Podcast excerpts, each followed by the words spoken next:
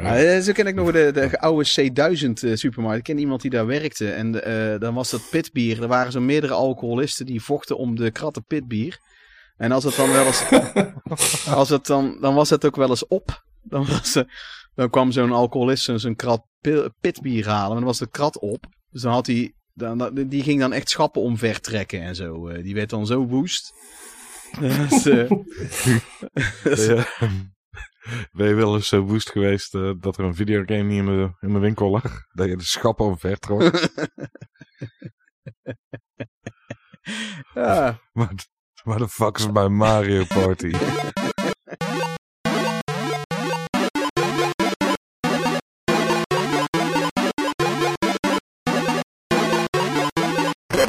van de Retro Tafel. Nou, welkom allemaal bij weer een nieuwe aflevering van de Ridders van de Retro Tafel. Dit is aflevering nummer 19. En we gaan het deze kweeste gaan we het hebben over difficulty in games. Of moeilijkheidsgraden in games, maar ook gewoon algemeen moeilijkheid in games. Is het ook wel nodig? Wat vinden wij ervan? En in hoeverre mag het juist wel of niet verschillen? Nou, die vragen komen allemaal aan bod. En uh, verder hebben wij uh, weer, hebben we weer eens ouderwets de twee vaste ridders erbij aanwezig. Klaas en Alex. Hallo Klaas. Hallo Peter. Hallo. Uh, we hebben trouwens nog wel altijd een, een probleem met de, waar we de podcast mee opnemen. Dat een aantal mensen er steeds de verbinding kwijtraken. Waarvan we nog steeds niet weten wat dat is. Dus dat zal, eh, vermoed ik helaas in de opnames nog een paar keer, eh, zal ik dat niet weg weten te editen. En hallo Alex. Hallo. Hallo Peter. Hallo, hallo Ja, en we hebben één special guest. Uh, heb ik al een paar keer eerder genoemd. Ja. Dat hij te gast zou gaan zijn. En dat is Hugo. Hallo Hugo. Ja, hallo jongens. Wat mooi dat ik hier uh, bij aanwezig mag zijn. Ik ja, moet zeggen, ik, ik, ben een beetje starstruck eigenlijk. Ik, uh, ja, ik heb jullie alle podcasts inmiddels van begin tot het eind uh, geluisterd. Dus ik ben een soort van bekend met jullie, maar jullie helemaal niet met mij. Maar ja, wat ik zei, het voelt dus een beetje alsof ik ineens oog in oog sta met mijn idolen. nou ja, goed, dat, maar dat is sowieso heel leuk. En Hugo, ehm, ja, even ter introductie. Wij, wij, kennen elkaar echt al heel lang. Um, want Hugo was eigenlijk een van mijn beste vrienden. Dus niet mijn beste vriend. Uh, ja, ten tijde dat ik 16, 17, 18 was. Um, zoiets. Het kwam. Ik, ging, ik, ik, ging over van de ene middelbare school naar de andere. En daar kwam ik toen uh, in de derde kwam ik, uh, ja, kwam ik bij de klas te zitten waar Hugo ook in zat. En dat klikte eigenlijk al vrij snel tussen ons. Vooral uh, onze, allebei onze affiniteit voor uh, rare dingen tekenen en games. En ja, dat. botgevoel en het gevoel voor botmelige humor. dat hadden we eigenlijk al redelijk, redelijk overeenstemmend. En uh, ik had jou laatst eens een keer, we, hadden, ja, we hebben een beetje contact. Hebben je had een mailtje gestuurd, die heb ik ook voorgelezen. En ik had je ook al een paar keer geneemdropt in de podcast zelf. Omdat, uh, ja, eigenlijk vooral toen we het over de Nintendo 64 hadden. Ik heb eigenlijk uh, de, de, echt samen met Hugo de Nintendo 64 uh, tijd meegemaakt. in zijn geheel ging ik eigenlijk toen vooral heel veel met jou om. Met, wij kochten hem allebei op de launch day. En het was ik van ja, weet je, het, het, als we het toch een keertje over die tijd moeten hebben. Dan gaan we vandaag, zal dat ook nog wel een keertje terugkomen is het natuurlijk wel heel gaaf om jou erbij te hebben. En uh, toen, ik jou, toen heb ik jou laatst weer gebeld voordat je meedeed aan de podcast nu. En dat was volgens mij was het echt minstens 17 jaar geleden dat ik jou voor het laatst echt persoonlijk heb gesproken. Zoiets, klopt dat? Ja, ik denk het wel. Ik denk langer. Wel. Ja, bizar. Langer, ja. Ja, en het grappige, het grappige ja, is dat... Denk... Ja? Dat is een hele poos. Ja. ja, dat is ja, een poos, ja. Ja, en, en ik denk nog wel langer eigenlijk. Ik kan me herinneren dat jij mij een keertje per ongeluk belde. Toen zat ik op de kunstacademie en toen was ik volgens mij 19 of 20 was ik toen. 20 was ik volgens mij toen. Dus toen, um, dat kan oh, me nog echt? herinneren. Ja, dat zal ik wel dronken zijn geweest, of niet? Nou, uh, nee, dat, dat was... Ja, trouwens, dat, dat, weet je niet, je bent een Brabander. Maar het was, dat was donderdag... Het was donderdagmiddag om... El, of donderdagochtend om 11 uur of zoiets was het. Dus, uh, ja, oh, en dan niet, niet... Toen studeerde ik nog, dus ik kan me niks verbazen. ja, je klonk absoluut niet dronken. Dus dat... dat uh, ik, kon er goed, ik kon er goed tegen toen. Ja, ja, dat was bij mij idem, denk ik wel. eh. Het, eh, ik ben op mijn 23 e gestopt met drinken. eh, een heel aantal jaren. Toen ben ik drie jaar lang gestopt of zo. Toen, daarna ben ik normaal gaan doen. Dus het, eh, maar dat is een ander verhaal. Maar het grappig was, eh, dan had ik jou weer aan de lijn. En we hadden elkaar dus 17 jaar niet gesproken of langer. En dan is het eigenlijk gewoon weer binnen vijf minuten hebben we het over allerlei games en over allerlei grappen. En ja, dan leek het alsof ik jou een maand daarvoor pas had gesproken weer of zo. Weet je wel, dat, dat, dat- dat- zo, die tijd was... ehm, het voelde niet als zo lang meer, zeg maar. Dat is dan altijd wel een goed teken, vind ik. Dat, eh, maar dat, jij stuurde mij toen ook Ja, biz- van... eh, bizar hoe, eh, hoe hak op de tak het meteen alweer ging over, eh, over games en alles wat ons bezig hield en eh bezighoudt.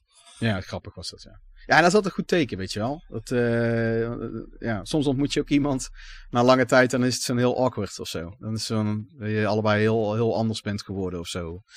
Ehm, goed, nou ja, tof. Eh, heel, eh, leuk dat je nou in ieder geval een keer meedoet. En we gaan het dus nou hebben over difficulty in games. En eh, dat was eigenlijk niet specifiek... ik heb jou niet specifiek gevraagd aan de hand van dit, eigenlijk omdat het gewoon zo uitkwam. Maar eh, hoe meer ik erover nadacht, ik kan me echt nog goed herinneren dat ik met jou heel veel moeilijke games heb doorgespeeld. En jij was bij, bij een iconische, iconisch moment aanwezig dat ik alles had gehaald bij... eh bij Blast eh, Corps. bij Blast Corps, ja. En zo kan ik me ook nog wel herinneren dat wij samen van die race games speelden. Van die hele moeilijke... Dat, dat we dan elkaar hielpen om, om zo'n, door zo'n time trial of zo'n circuit heen te komen. Ehm eh, dat kan ik me nog wel goed herinneren. Vooral die, eh, die Sega Rally op- toen op de Dreamcast. En, Oh, ja. En Gran Turismo en zo. Ja, ja, tof. Nou, ja, hartstikke leuk. Dat is een leuke introductie, denk ik. We kennen elkaar dus al van de middelbare school. En wij tekenden allebei vooral heel veel. En ik heb alles nog bewaard. Dus als we ooit videobeelden gaan schieten, dan kan ik die dingen delen met... die achterlijke zooi delen met de wereld.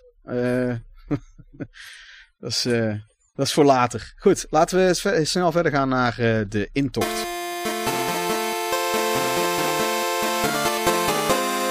De intocht. Oké, nou, de intocht. eh, daarin eh, vertellen wij, eh, ik eh, ehm, samen met de mederidders, eh wat, eh, wat we zowel de afgelopen periode hebben gespeeld, gekocht, gezien, gedaan. Noemenswaardigs hebben meegemaakt qua avonturen. En ehm, ja, zal ik eens beginnen? Ik ben trouwens eh, Peter eh, Retro Game Papa voor mensen die eh, voor het eerst deze podcast luisteren. Want ik heb er zelf helemaal vergeten aan te kondigen. En ehm, ja, ik laat ik eens een keertje met mezelf beginnen. Ik heb, ehm, ja, ik heb, laat ik beginnen met wat ik heb gezien. Want ik heb eigenlijk maar één ding echt gezien. Ik heb Midnight Mass heb ik gekeken. De hele ehm, miniserie. Het een miniserie van zeven afleveringen was het. Van Mike Flanagan. Ja, ik vond het heel vet. Ja, ik kan wel wat kritiek gisteren de eerste aflevering gekeken. ja, je moet, je moet gewoon wel ervan uitgaan dat het een slow burn is. Eh, en dat er veel lange dialogen in zitten. Dat is misschien mijn enige punt van kritiek. Dat een enkel dialoog duurt misschien iets te lang. En, maar het heeft wel daardoor een beetje die vibe van de oude Twin Peaks. Die dat ook, die dat ook best wel had, kon hebben. En ehm, met alleen iets minder humor erin. En iets minder eh lynch in. Maar Hm. ik, het, het, het, het is wel... Hij is er blij, Mike Flanagan is er al heel lang mee bezig geweest. Want er zitten referenties naar Midnight Mass in oude films van hem. In, in Hush en eh, in Gerald's Game eh, komt het voor. En je, ja, dat merk je wel, vind ik. Ik vind het echt, echt heel goed geschreven. Hoe, hoe meer ik erover nadenk en zo. En, want het gaat over een eilandje waar dan die allemaal nog een beetje, een beetje in de tijd zijn blijven hangen. Een visserseilandje. Het speelt zich af in de jaren 80. 90, ja, nee, trouwens, dat, dat, eh, het lijkt in de jaren 80 te hangen omdat alles nog oud is. Maar het speelt zich eigenlijk wel af in het nu, heb ik het idee. Maar het, het is een beetje tijdloos. En eh, dan volg je zo'n pater. En eh, die, die, die mysterieuze pater die op dat eiland terugkomt. En eigenlijk zou er een hele oude pater terugkomen die daar al weet ik al hoe lang dat eiland daar de, de, de, de kerk runt. Maar dan komt er een ander voor in de plaats. En dan wordt het eigenlijk allemaal steeds raarder en de dingen zijn niet zoals ze lijken. En eh, ja, vet. Ja, ik vind het echt heel goed. Het, het is, eh, ja. Alleen je moet wel ervan uitgaan dat het een slow burn is. Als je verwacht dat er allemaal knijter veel dingen in gebeuren en heel sensationeel en veel actie en zo, dan, ja, dan kom je bedrogen uit. Maar ik vind het een heel knap staaltje schrijfwerk. Vooral als je ook wat weet van, van de kerk en, en van eh, de Bijbel en katholiek geloof en zo. Eh, hoe meer je daarvan af weet, des te beter komt dit ook over, denk ik. Als je er helemaal niks van weet en je hebt er helemaal geen reet mee, dan, dan is het denk ik een beetje saai. Dat denk ik. Maar eh, ja, nou, ik, ik vind het hele, echt een hele vette aanrader. Ik, het, eh, ja. En eh, nou, verder ben ik ook begonnen aan wat jij aanraadde laatste keer, Klaas. Ehm, van Neil Blomkamp. Die, die rare mini-afleveringen, pilot-serie dingetjes. Die eh eh, Oats Studios. Eh, ja, ja, ja. ja, dat, het lijken wel wat je wilt verkopen aan een studio waar je een film over zou willen maken. Alleen dan met een iets hoger budget gemaakt. Want het zijn allemaal, de verhaaltjes zijn allemaal niet af. Het is heel, heel vreemd. Nee, dat klopt. Dus het, het, het, waar, waar eigenlijk het echte avontuur begint, stopt het dan al. Het is heel apart. Maar, maar dan wel met Sigourney Weaver. En, maar ik, ik, ja, we hebben er wel van genoten. Ik heb nou de helft gezien, want het is allemaal heel kort. Ehm, dus dat is heel obscuur. Het is het obscure. Ik wist niet wat ik ervan moest verwachten. en op het einde, nou weet ik eigenlijk nog steeds niet wat ik ervan moet vinden eigenlijk. Maar het is wel tof. Dat in ieder geval wel. Ja, en verder heb ik iets heel vets. Ik heb nou eh, een, een, een stapel oude NES en Super NES games overgekocht van, ehm, van een drummer die mij op Instagram volgde. En ik heb nou daardoor heb ik, de, heb ik alle Metroid games en alle Zelda games in één keer. Want ik, had, ik miste die op de NES. Dus ik heb nou gewoon de eerste Zelda, die, die gouden cartridge en, eh, en, en Link's Adventure. En ik heb nou ineens een Metroid ook voor de NES. Ja, dat is echt heel vet. En ik, eh, Ah, ik, nice.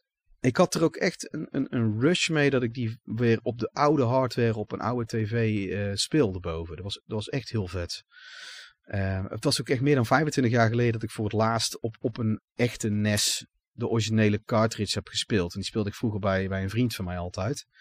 En Metroid eh, heb ik wel gespeeld op emulatie, maar niet de authentieke cartridge. Dus dat, ja, ik vond het echt wel heel vet. Daarom heb ik ook gelijk een stuk geschreven over hoe tof het toch ook is eh, dat het een extra magie heeft als je op originele hardware gamet. Dat heeft toch echt iets speciaals. Dat, dat, dat, dat, dat geeft op een betere manier, brengt dat over hoe speciaal dat het toen ook was. Ehm, ja, ja heel, heel vet. Daar ben ik ook echt heel blij mee. Hij had allemaal, eh, het zijn niet heel veel Super NES en NES games, best een doosje vol bij elkaar met allebei, dus dat is ook niet weinig. En de meeste games die hij had, waren precies spellen die ik niet heb. Ik heb dan een Starwing nou wel dubbel, maar ik had Star Wars, die games had ik niet. En eh, die Metroid en, Zelda dus ook niet. En Desert Strike had hij ook een hele vet op de Super NES. Dus eh, ja, dat, is, dat vooral wat ik eh, zelf nou heb gekocht. En waar ik heel blij mee ben. En ik heb verder eigenlijk ook die Metroid Samus Returns ben ik gaan spelen. Omdat ik Metroid Dread wil gaan spelen. Die heb ik nou eigenlijk zo goed als uitgespeeld. En, eh, en we zijn met mijn zoontje hier eh, met de PlayStation Move of de PlayStation 3 eh, Wonderbook, die Wonderbook games gaan spelen. Met die AR, dat dat boekwerk en met die PlayStation Eye camera en dan met een PlayStation Move. Je moet er een hele unit bijhalen aan spullen. Maar het is wel, die, als je dat Book of Potions gaat spelen van Harry Potter, dat is wel echt heel vet hoor. Het is, het is, mijn zoontje vindt het ook helemaal geweldig. Het is ook echt heel gaaf. En eh, daar zijn we nou mee bezig. En ik heb Eye of Judgment, had ik tweedehands heel goedkoop gevonden. Dat is een kaartspel van Magic the Gathering. dus, eh, nou ja, niet, het is in ieder geval, die, die mensen hebben eraan meegewerkt. En dan, als je dan die kaarten, ook met de PlayStation Eye camera werkt dat. En dan leg je die kaarten op, op, het, op zo'n veld, op zo'n doek. En dan komen ze op tv, komen dan die kaarten, die wezens die je hebt weggelegd, komen tot leven. Komen helemaal 3D en dan vechten ze ook echt met elkaar op de tv, zeg maar. Vet. Ja, dat is heel vet. Ja, om alle kaarten bij elkaar wel, dat is onvindbaar inmiddels. Maar eigenlijk, het is ook verder niet heel populair. Dus je kan best wel goedkoop aan een hele hoop kaarten komen. En ik ga dat nooit allemaal compleet krijgen. Maar eh, ja, fuck it. De fotocopie werkt blijkbaar ook, Volgens- heb, ik, heb ik gelezen. Dus. Volgens mij zijn wij dat eh, ooit samen mee begonnen met het sparen van die, eh, van die Magic kaarten. Ja, en, en we zijn er ook op tijd mee gestopt volgens mij. Want wat een money pit is Ja, dat. volgens mij ook. Dus echt, echt, je kan er geld aan blijven. Ik heb ze laatst allemaal weggegeven aan een vriend van mij die nou best wel veel Magic speelt. En eh, ja, ik, ik had zoiets ik doe het, nee. Eh, dat werkt op mij echt verslavend. Ik moet het dan allemaal hebben, hè. Die neiging krijg ik heel erg. Dat heb ik, want dat is ook met Lego Dimensions. Ik heb alle sets van Lego Dimensions. Want ik wist al, als ik hier aan begin, dan moet ik het per se allemaal hebben. Een heel, heel, heel irritante eigenschap om te hebben. Maar daarom ben ik ook bewust niet aan Skylanders begonnen. En ik ben ook heel bewust gestopt met Magic the Gathering. Wat er gewoon echt Oh mijn god, je kan er geld in blijven stoppen en dan heb je nog niet eens een kwart of niet eens een tiende. Dat is echt... eh, Heb jij de ze? Amiibo-collectie eh, die loopt wel lekker, toch? Ja, maar die hoef ik niet allemaal. Ik, ik heb niks met Pokémon. ik heb niks met Pokémon, dus die hoef ik allemaal niet. En eh, ik, ik, ja, ik, ik heb er vooral een hele hoop voor 8 euro of minder gekocht. Een tijdje werden ze best wel goedkoop weggedaan. Dat is nou helaas voorbij, want nou zie ik ze nergens meer liggen, behalve dan voor 24 euro bij Amazon en zo. Het, is- het, het, eh, ja. Maar dat is, ja, ja. Maar er, dat is een gezonde. Ik, ik kan die op een gezonde manier verzamelen, laat ik het zo zeggen. maar goed, dat is ook zelfkennis, toch? Ja, gezond, gezond. Je, laat je laat ze wel in het plastic. Ja, dat vind ik toch wel mooi. Ik vind dat mooier. Ja. ja. De meeste heb ik erin gelaten, ja, inmiddels. Ik heb er ook een hoop uitgehaald hoor. Maar... Goed, hey, eh, laten we eens eh, naar de volgende gaan. Ehm, ik moet heel eventjes naar mijn zoontje toe. Eventjes checken of dat nou wel goed gaat. Maar dan kan ondertussen even iemand anders aan het woord. Eh, ik ga wel even de volgorde af zoals ik hem hier heb staan. Dus Alex is als volgende aan de beurt. En dan ben ik even, ik ben zelf even weg. Oké, Nou, Alex. awkward. ja, dan moet ik gewoon, oh, de host die is gewoon weg en dan moet ik hem maar vol zien te lullen. Ehm, Heb je nog wat gespeeld? Ja, eh, feel the de pressure. ja, ja, ja, ik heb, ik heb, eh, ik heb wel iets gespeeld. eh, eh, voornamelijk eh, de nieuwe Forza Horizon, eh, de vijfde alweer. Ehm, Ja. Gewoon een hele leuke open world racing game. Je hebt ontzettend veel vrijheid. Je kan eigenlijk eh, spelen op de manier hoe jij wilt. Eh, je kan het zo makkelijk of zo moeilijk maken als je zelf wilt. En eh, de main focus van die game is echt eh, fun. En ehm, ja, het is heel erg verslavend. Eh goeie game. Beetje en voor de rest heb ik eigenlijk... ehm, ja, ja, Heb ja, je nog wat gekeken, Alex? Ja, precies. Eh, ja, ik heb, ik heb ook eh, Midnight Mass gezien. Eh, ik, ik vond het ook een hele toffe serie. Vooral eh, de pater, eh, ja, die, eh, die, die blonk uit met zijn acteerwerk. Ehm, dat, eh, dat, dat maakte wel die serie van mij. Want als, als dat karakter niet zo goed had geweest, dan had ik denk ik eh, misschien wel afgehaakt. Maar eh, het, is zoals Peter al eerder zei, als je wat dingen weet over de Bijbel en ehm, ook over Mike Flanagan zelf, overigens, dan, ehm, dan zitten er meer lagen in dan, dan op, op eerste. ehm, shit, godverdomme. Dan, de, dan het eerst lijkt. Ik voel- Heb je verder nog wat eh, gespeeld? Hel- helder verhaal. Ehm, eh, ik nog iets gespeeld.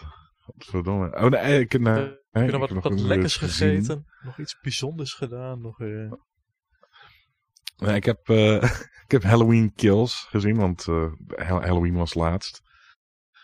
En eh, dat is de sequel op eh, de Halloween film uit 2018. Wat dan weer een sequel is op de originele Halloween film. En eh, ehm, ja, buiten dat Michael Myers echt eh, mensen keibruut afslacht. Echt gewoon dozijnen mensen gaan er letterlijk aan in die film. Eh, als je daarvoor komt, nou, dan zul je niet teleurgesteld worden. Maar eh, kom je voor een verhaal of iets wat überhaupt ergens op slaat, eh, dan, eh, dan moet je ver weg blijven. dan niet. Maar Er zit toch ook die, die originele actrice, hoe heet ze ook alweer? Die zit daar toch ook weer in? Jamie Lee Curtis, ja. Ja, precies. er, Ja. eh, kon er even niet opkomen. Als oude vrouw inmiddels. Ja, ja, ja. Als eh, oma. Zo? Nou, verder nog... eh, En dat- Oh, hier, daar is hij al. Ja, daar ben ik alweer terug. Oh, oh. Ja. Oh, nou, Oh, ge- Ja. gelukkig. Ik wist niet dat eh, in mijn absentie het zo snel over porno zou gaan. eh, maar goed. Nou, we nemen hem weer over. Ja, eh, ik heb... komt er maar in. Ik, ik kom er maar weer in, ja. Ik heb... eh, ja, nee, Hugo, Hugo staat als volgende op het lijstje hier. Ja, mooi. Ja, wat ik heb gekeken. Ik heb, ehm, ik had, eh, op een gegeven moment zag ik op Netflix dat Army of Thieves staan. En toen dacht ik, hé, hey, dat is een soort ehm, eh, vervolg op dat Army of the Dead. En ik dacht van, nou, dan moet ik misschien, als daar een vervolg op gemaakt wordt, dan moet ik misschien ook die Army of the Dead maar eens kijken. En ehm, ja, ik vond het wel een, ja, het is echt een, een volledig over de top zombie killer movie. Waarbij een eh, groep ehm, ja, loners eigenlijk ehm, gezamenlijk Las Vegas ingaan. Las Vegas is eigenlijk volledig bezet door zombies. En ook ommuurd ehm, daartegen. En die eh, blijkbaar zit ergens nog eh, in een grote kluis met heel veel geld. En die gasten die moeten daar die, eh, die, die kluis ingaan, of die daarheen gaan om die kluis te gaan, eh, gaan raiden. Er zitten miljoenen dollars in. En zij gaan met z'n allen die, nou ja, een, een, een zombie-infested eh, Vegas eh, binnen. Met eh, alle actie en alles wat er omheen zit erbij.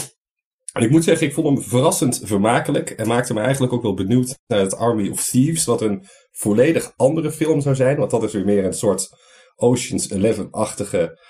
ehm, ja, wat is het? eh, kluizen ehm, eh, inbreekfilm.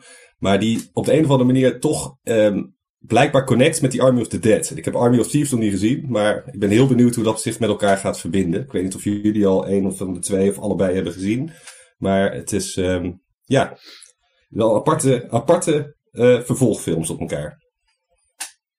Ik heb die Army of the Dead gezien. maar is het niet zo dat die eh, Army of Thieves dan dat het ingaat op die, eh, die Duitse kraker? Ja, dat het best die wel Duitse kluizenkraker, ja. in de Army of, precies, ja. Af ja maar is wel echt in hetzelfde universum zit. Precies. Ja, het is eh, een prequel, begreep ik.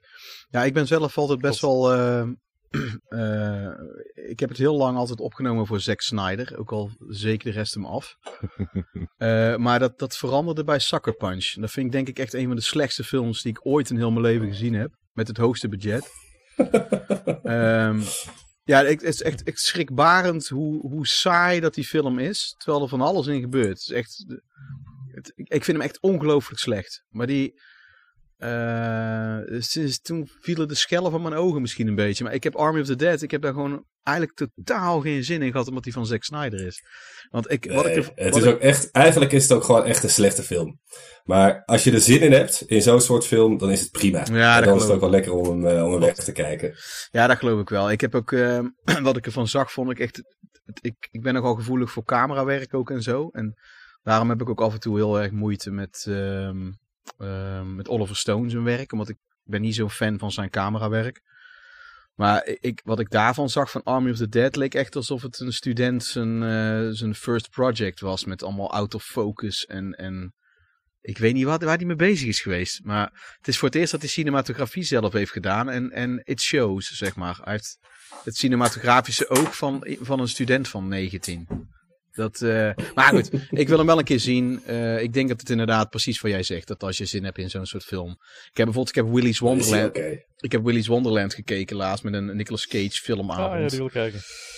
Ja, en, en daarbij had, was mijn mening weer van, ja, wat, wat verwacht je nou eigenlijk nog meer? Waarom zijn mensen zo kritisch op deze film? Terwijl het eigenlijk een soort, soort grappige Evil Dead-achtige stijl is met Nicolas Cage en met, met, met eh, Five Nights at Freddy's robotmonsters.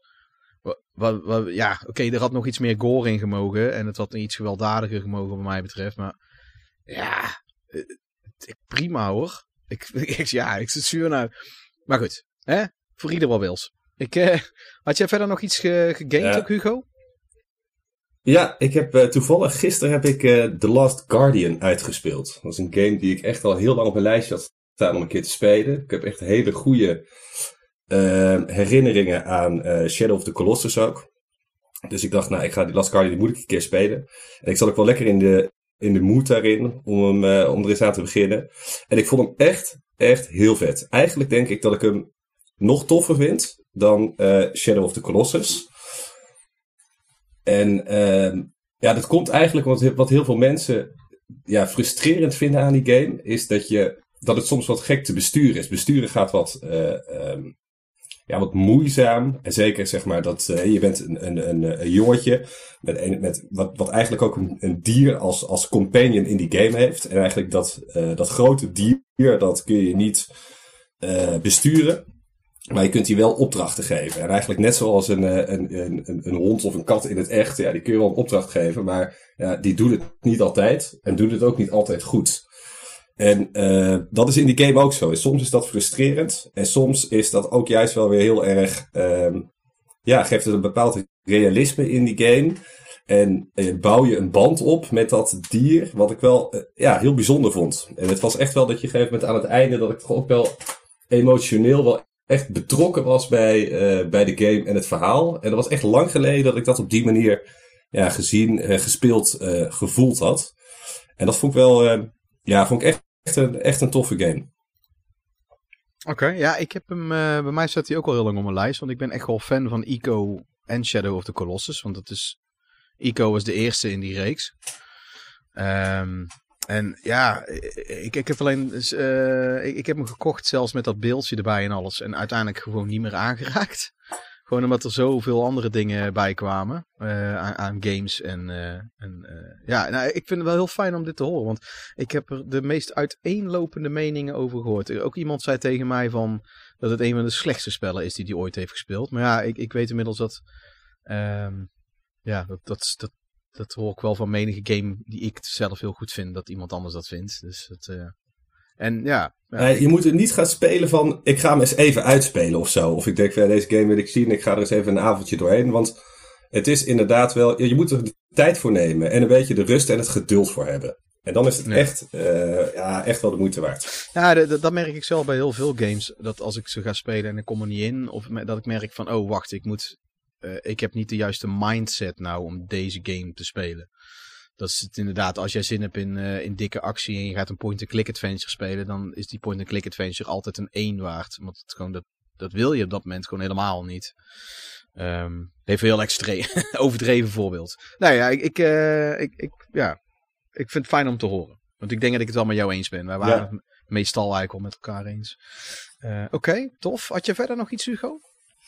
Nou, ik heb um, Metroid Dread heb ik uh, inmiddels uitgespeeld ook. Jij moet er nog aan beginnen, maar ik ben er ja. in, uh, inmiddels doorheen. En dat spel wist ook bij mij echt alle juiste snaren te, te raken. Het was, uh, ja, weet je, de ene kant enorm, enorme throwback naar de oude Metroid games. Ook naar Super Metroid met de deuntjes die je hoort. de, weet je, de, de muziekjes als je, als je weer een rakettenuitbreidingspakketje pakt de, uh, een paar van de boss fights die, uh, die zo regelrecht weer uit uh, Super Metroid terecht zijn gehaald. Met ook weer de juiste geluiden en kreten van die, die zo'n baas maakt. Ja, dat, dat, dat, dat raakte echt alle juiste snaren bij mij op de een of andere manier. Dat was ja. gewoon een, een heerlijke game die ik ook echt in een paar avonden tijd in één keer heb, helemaal heb uitgespeeld. En nagenoeg heb ge 100%. Ja, dat was eigenlijk echt een, uh, ja, een hele, uh, hele vette game. Het speelt gewoon zo soepel en lekker weg, maar toch uh, met genoeg nostalgie erin. Ja, ja ik, ik, ik, ik, ik heb eigenlijk on, ontzettend veel zin om te spelen. Ik heb, maar ja, eerst wil ik nou, Same as Returns ben ik nou alles 100% aan het doen. En dan ga ik aan Metroid Dread beginnen. Ik heb ook nog een paar andere dingen, games die ik van plan was om in de Halloween maand uit te spelen. Maar niet helemaal is gelukt, ben ik ook nog mee bezig. maar goed, je kan ook eh, na Halloween horror games blijven reviewen. Dat maakt ook niet uit. Ja, eh, vet. Ja, was jij nou trouwens al... Uh, want, want toen ik jou leerde kennen was Super NES al een tijdje uit. Ik kan me nog herinneren dat jij ook, net als ik, Killer Instinct fan was. Um, maar was jij toen ook al Super Metroid fan? Of ken jij die game... Die, die kende jij al voor mij toch? Voordat je mij leerde kennen. Ja, ja, die kende ik al wel voordat ik jou leerde kennen. Alleen, ik was er nooit echt heel goed ingedoken. En volgens mij heb ik hem pas echt goed gespeeld toen ik hem denk ik een keer van jou heb geleend. Dat is volgens mij de eerste keer dat ik hem heb uitgespeeld. En sindsdien pak ik hem eigenlijk elke zoveel jaar pak ik hem weer eens een keer terug. Het zijn even die weinige games die ik, ja, die, die ik misschien wel, uh, wat is het, misschien al 8, 9, 10 keer heb uitgespeeld of zo. Gewoon echt om de zoveel jaar dat je hem weer doet en dan toch gewoon helemaal uitspeelt. Ja. ja, voor mij is Super Metroid net zoiets als, uh, als het Castlevania Symphony of the Night. En, uh, en Ocarina of Time. Van die, van die spellen die echt, die kan ik ook eigenlijk elk jaar wel rondspelen en het verveelt nooit. Dat, uh, ja. ja, Symphony of the Night, exact hetzelfde. Daar heb ik dat ook mee. Dat is ook zeker met die muziek ook. Daar, uh, daar word ik weer helemaal warm en fuzzy van als ik als ik zo'n game uh, aanzet en ga, ga, spelen. Ja, het is vooral die sfeer. Die, die is ook, ook bij Super Metroid ook zo zo ontzettend goed. Met zulke kleine mooie details. En alles, alles klopt gewoon. De, de, de, de, de- alles bij elkaar. Goed, maar dat is voor een andere keer. Ehm, laten we snel doorgaan naar Klaas. Klaas. Ik heb eh, afgelopen week Saints Row 4 Re-Elected gespeeld. Oh, en? Die staat gratis bij Hmm. Stadia Pro. Ik denk van ja, dan geef ik me een kans. Ik vond het begin echt helemaal geen reet aan. Dat speelde ik voor geen meter. Ik denk van nou, even doorzetten. En uiteindelijk werd hij wel nog geiniger ook. Maar toch, ik denk twee tot drie uur heb ik me er even mee vermaakt. Toen heb ik eh, Dirt 5 gespeeld. Die stond ook nog op mijn lijstje. Zat ook in één keer gratis bij Stadia. Ehm, maar ik heb eigenlijk helemaal niet zoveel gegamed. Maar ik dacht hier van eh, in deze podcast hebben we nog niet eerder gehad over Formule 1. En eigenlijk ben ik de laatste tijd. eh, ik sowieso volg ik Formule 1 altijd wel fanatiek. Alleen nu eh, het Formule 1 seizoen dit jaar is apotheose bereikt. En we eindelijk met Max Verstappen een nou, serieus kandidaat voor een titel. Ben ik eigenlijk de hele dag op internet aan het kijken met allerlei artikelen en nabeschouwingen en voor- voorbeschouwingen met alles te lezen. Dus ik, daar ben ik meer mee bezig met mijn game op dit moment. Oké. En heb je dan niet ook de neiging om... mee? Heb jij dan niet de neiging... Ik heb er wel wat mee. Ik vind, die, Formule, ik vind Formule 1 ook heel vet. Ik kijk het altijd met mijn vrouw. En zeker nu eh, met Max eh, ook geweldig. Ik ben zelfs naar Zandvoort geweest. uitgenodigd Ja, door, door een relatie. Waardoor ik... dus dat was ook echt een, een, snoepreisje. Super vet om daar te zijn. Maar ik heb steeds ook de, soms de neiging, zeker als ik zo'n race heb gekeken, om dan dus ook maar die game te kopen. Om dan zelf, zeg maar, achter dat stuur te kruipen. Heb, heb jij dat niet ook, Klaas, toevallig? Ik heb het zelf veel. ik, heb, ik heb dat wel. Ik heb het altijd. Ik het altijd voor zo'n race. Dan, dan wil ik toch eventjes zelf dat circuit ervaren. Ja, en, dan, dan, dan ga ik time trials neerzetten. Ja, dat, dat, En, eh, en dan op zaterdag altijd Maar ik- zien ik eh, hoe mijn tijd altijd keihard wordt verbroken. Ja, ik vind die Formule 1 games gewoon niet zo goed. En ik heb hier een, eh, Ja, een ik- hele tijd thuis zo'n eh, zo'n rig gehad met, eh, met, stuur en alles erop, weet je wel. En dan, dat heb ik niet Ja, meer. cool. Nu is gamen eigenlijk met een controller, gewoon racen is niet meer zoveel aan. Dan heb ik toch zoiets van, nou, als ik weer ga racen, dan wil ik weer een, eh, een stuurtje hebben. Dus ja, dat snap nee, ik. Ja. Niet echt dat ik dan heel graag wil gaan racen en dan speel ik liever ook wat anders dan, dan F1. Ja, ik, ik koop echt altijd elke Formule 1 game, want ik ben een zware Hamilton fan. En eh, ik, eh, ik doe dan niks. Nee, nee, nee ik, ik, Ik zat echt te denken, ja, ik, ik heb jou inderdaad al lang niet meer gesproken, Peter. Dat is echt even wat ik dacht, maar goed. nee, ik heb, eh, Toch een nee, beetje veranderd. Ik heb, eh, nou, ik, ik ben serieus Formule 1 wel, eh, eigenlijk voordat Max Verstappen erbij kwam al, ben ik het al wel een beetje steeds meer gaan volgen. Vooral omdat vrienden dat ook deden. En ik, eh, ja, ik vind het best wel tof. Er zit best wel veel achter. En ehm, ik, heb, eh, ik heb geen zin om zo'n hele race te kijken, zal ik heel eerlijk zeggen, live. Dat trek ik nog niet. Eigenlijk omdat het gewoon op zo'n zondag en die tijden, het, het komt er gewoon niet van. Dat, dat, dat, Die schiet- tijden dat lukt. kut. Ja, dat klopt. En eh, ik, ik, als, het, als ik het super, super, super graag zou willen, dan, dan hè, waarom willen ze zijn weg dan? Maar dat, eh, maar nee, ik, ik, volg het, eh, ja, ik volg het al wel een paar jaar best wel goed. Ik, eh, ik, ik weet altijd, ik, bijvoorbeeld, ik, ik heb er ook wel echt wel meegekeken en ge- gevolgd hoe Max Verstappen bezig was. En ik vond het ook echt super tof dat hij won. Ik heb trouwens, ik, serieus, ik heb het altijd opgenomen voor Hamilton als iedereen hem afzeek. Ik zei van, weet je, het is gewoon een andere vent. Alleen ik moet, ik moet zeggen dat hij het steeds moeilijker maakt voor mij om het voor hem op te nemen. Wordt steeds moeilijker, hè? Het wordt steeds moeilijker. Ja, dat, dat ik Ehm, het uh, tanden, kn- tanden knarsend zat ik laatst iets eh, aan te horen wat hij zei. En ik zei, ja, ja, ja, goed. Het is eh, overigens Sir Lewis Hamilton, Peter. Wel eh, graag het nodige respect. Sir. eh. Hele, hele, hele dikke lul. Goed. Nee. Nou, ik heb, wel, ik heb wel een paar keer op punt gestaan om zo'n Formule 1 game eh, te kopen. Ik had toevallig eh, de vorige aflevering met Peter Riesebos. Die eh, zei dat hij die game juist had gekocht. Eh, vanwege dat hij met eh, een van zijn zwagers ermee aan de gang ging. Maar toen moest hij, en ze hadden niet zo heel veel tijd, maar toen moest hij daarna vijf uur installeren. En toen was, was- kwam er niet veel van terecht. Ik weet niet of het echt vijf uur was, maar ik geloof dat het, het zal wel een hele tijd zijn geweest. Het ik voelde snap- als vijf uur. Ik snap die irritatie wel, ja. ja. Maar goed. Ik, ja, ik, ik, ik heb, binnenkort krijg ik een tweede stuurtje erbij. Een oude PlayStation 2 stuur. En dan wil ik hier eigenlijk weer eens gewoon... eh, eh, ik wil mijn zoontje eerst eh, laten racen met, met gewoon oude... eh, ehm, op de oudere Gran Turismo eh, op de PlayStation 2 of zo.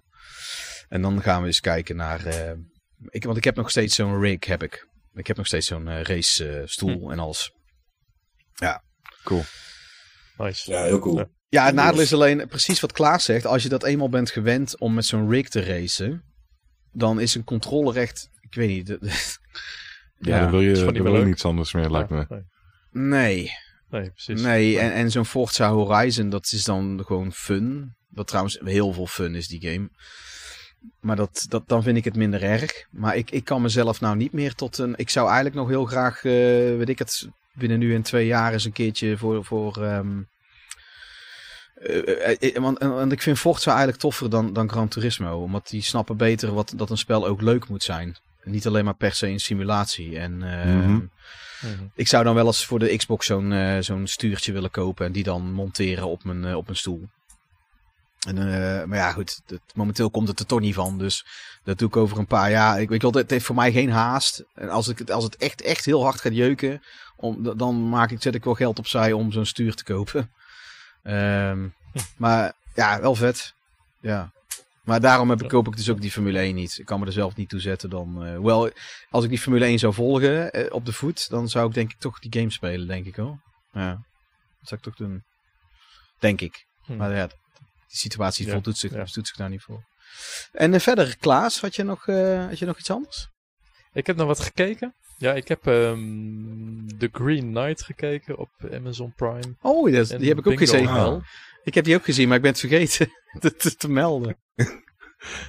Ja, ik had hem vorige keer al eh, ook niet vermeld. Ik, nadat ik hem drie weken terug of zo gekeken, of misschien vier weken terug. Eh The Green Knight vond ik wel, nou, wel goed. Eh, soms ook wat te traag. Eh, soms lag de focus meer op, eh, op mooie plaatjes dan op het verhaal. En, maar dat, goed, dat, datzelfde heb ik ook een beetje met The Lord of the Rings. Dat het eh, op bepaalde momenten wel iets sneller mag voor mij. Ja, het, niet, het is, eh, ehm, het is heel steeds symbolisch. weer zo'n shot van veraf van... eh, Ja, maar het is Ja, al- ja. allemaal het is een aaneenschakeling van, van metaforen en, en existentialistische Ja, precies. vraagstellingen en weet ik het allemaal. Dus ik, moet, de, ik wil de mooie plaatjes, die, die vertellen ook een verhaal. Ja, precies. Dat is wat ik net wel bedoelde eigenlijk, ja. ja. Maar ik snap, ik snap Klaas Ja, ook wel. Het, is het, een paar zo. keer Dus draalt eh, het ook wel een beetje hoor. Dat ja, vond ik ook kan wel. soms iets sneller. eh, Meer, hè, meer Michael Bay af en toe, hè. Hoppatee. maar ik Hoppatee. vond hem verder boeiend hoor. En Bingo Hell was zo geinig, wat luchtiger. Die ken ik niet. De Verder hel? heb ik, eh, Wat de hel is bingo hel? Verder heb ik Bingo Hell dus gekeken.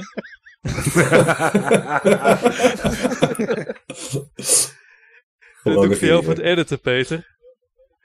Maar even opnieuw. 3, 2. Bingo Hell. Nou, leuk dat je het vraagt, want ik heb dus een film gezien. Bingo Hell. Ja. Eh het gaat over een, eh, een, een, een stadje met, eh, dat, dat sterft steeds verder uit. Er wonen wat oudere mensen en die spelen regelmatig een bingo, eh, of hebben regelmatig een bingoavond. Met wat lullige prijzen. Ehm, en op een gegeven moment komt dan een Mr. Big in town. Die, eh, ja, die opent dan zijn eigen bingozaal met, een, eh, met belachelijke prijzen. En die prijzen die zorgen ervoor dat mensen dan eh, ja, doordraaien. En Mr. Big is eh, Richard Brake. Ik weet niet of jullie dat wat zegt. Die speelt ook in The Devil's Rejects en Free From Hell. Eh nou, leuke film. En verder. Wat, mag ik even... In wat voor soort... Is het meer een soort thriller of is het zwarte comedie of zo? Want het zou echt black comedy kunnen zijn. Het is meer, meer, het is meer horror. Ja, oké. Ja, ja serieus. Oké. Niet, eh, niet als in. eh, geen horror met jumpscares, maar horror meer met slijm en. Een beetje een idee. eh. Ja, ik ja. vond hem wel de moeite waard. Ja. Oké. Dat klinkt eigenlijk wel interessant. Het lijkt ook een beetje als... Ja. eh, het klinkt, want die brengt dus eigenlijk expres gewoon dat hele stadje in rep en roer. Ja, daar, ben ik, daar ben ik weer. Ah, Hey, volgens mij, omdat jij nu eh, net opnieuw aan het connecten was, gaat hij nu weer gek doen met de verbinding. Ja, dat is nou eens weer eventjes ellende, 10 minuten lang. Ja. Nu even tien Maar het, minuten het klinkt eh, als. eh, het, ik- maar die, die, eh, die Mr. Big die brengt dus expres heel dat stadje in disarray. In, in chaos, yes. zeg maar. Yes. Dat klinkt als, ehm, als een Stephen King eh, verfilming. ehm, Klopt. Needful Things. Ken je die? Eh, zeg Dat is me wel ook iets, over zo'n maar- zo'n klein dorpje waar dan een, een gast, een oude vent, eh, Max von Sydow of Max von Sydow.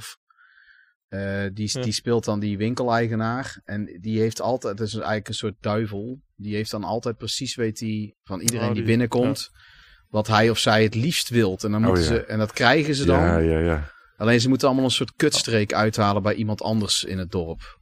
En dan krijgen ze, dat, dan krijgen ze die, eh, die collectible eh, kaart. Of die fiets, of weet ik het wat, weet je wel. eh.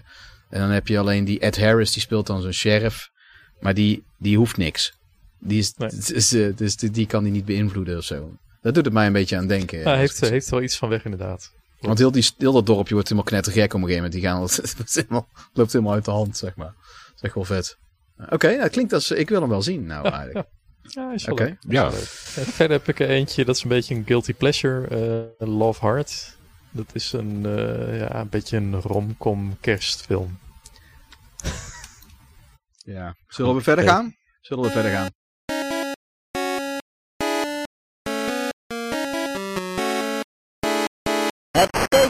Ja, ja, de main topic. Eh, dat is een belegering deze keer.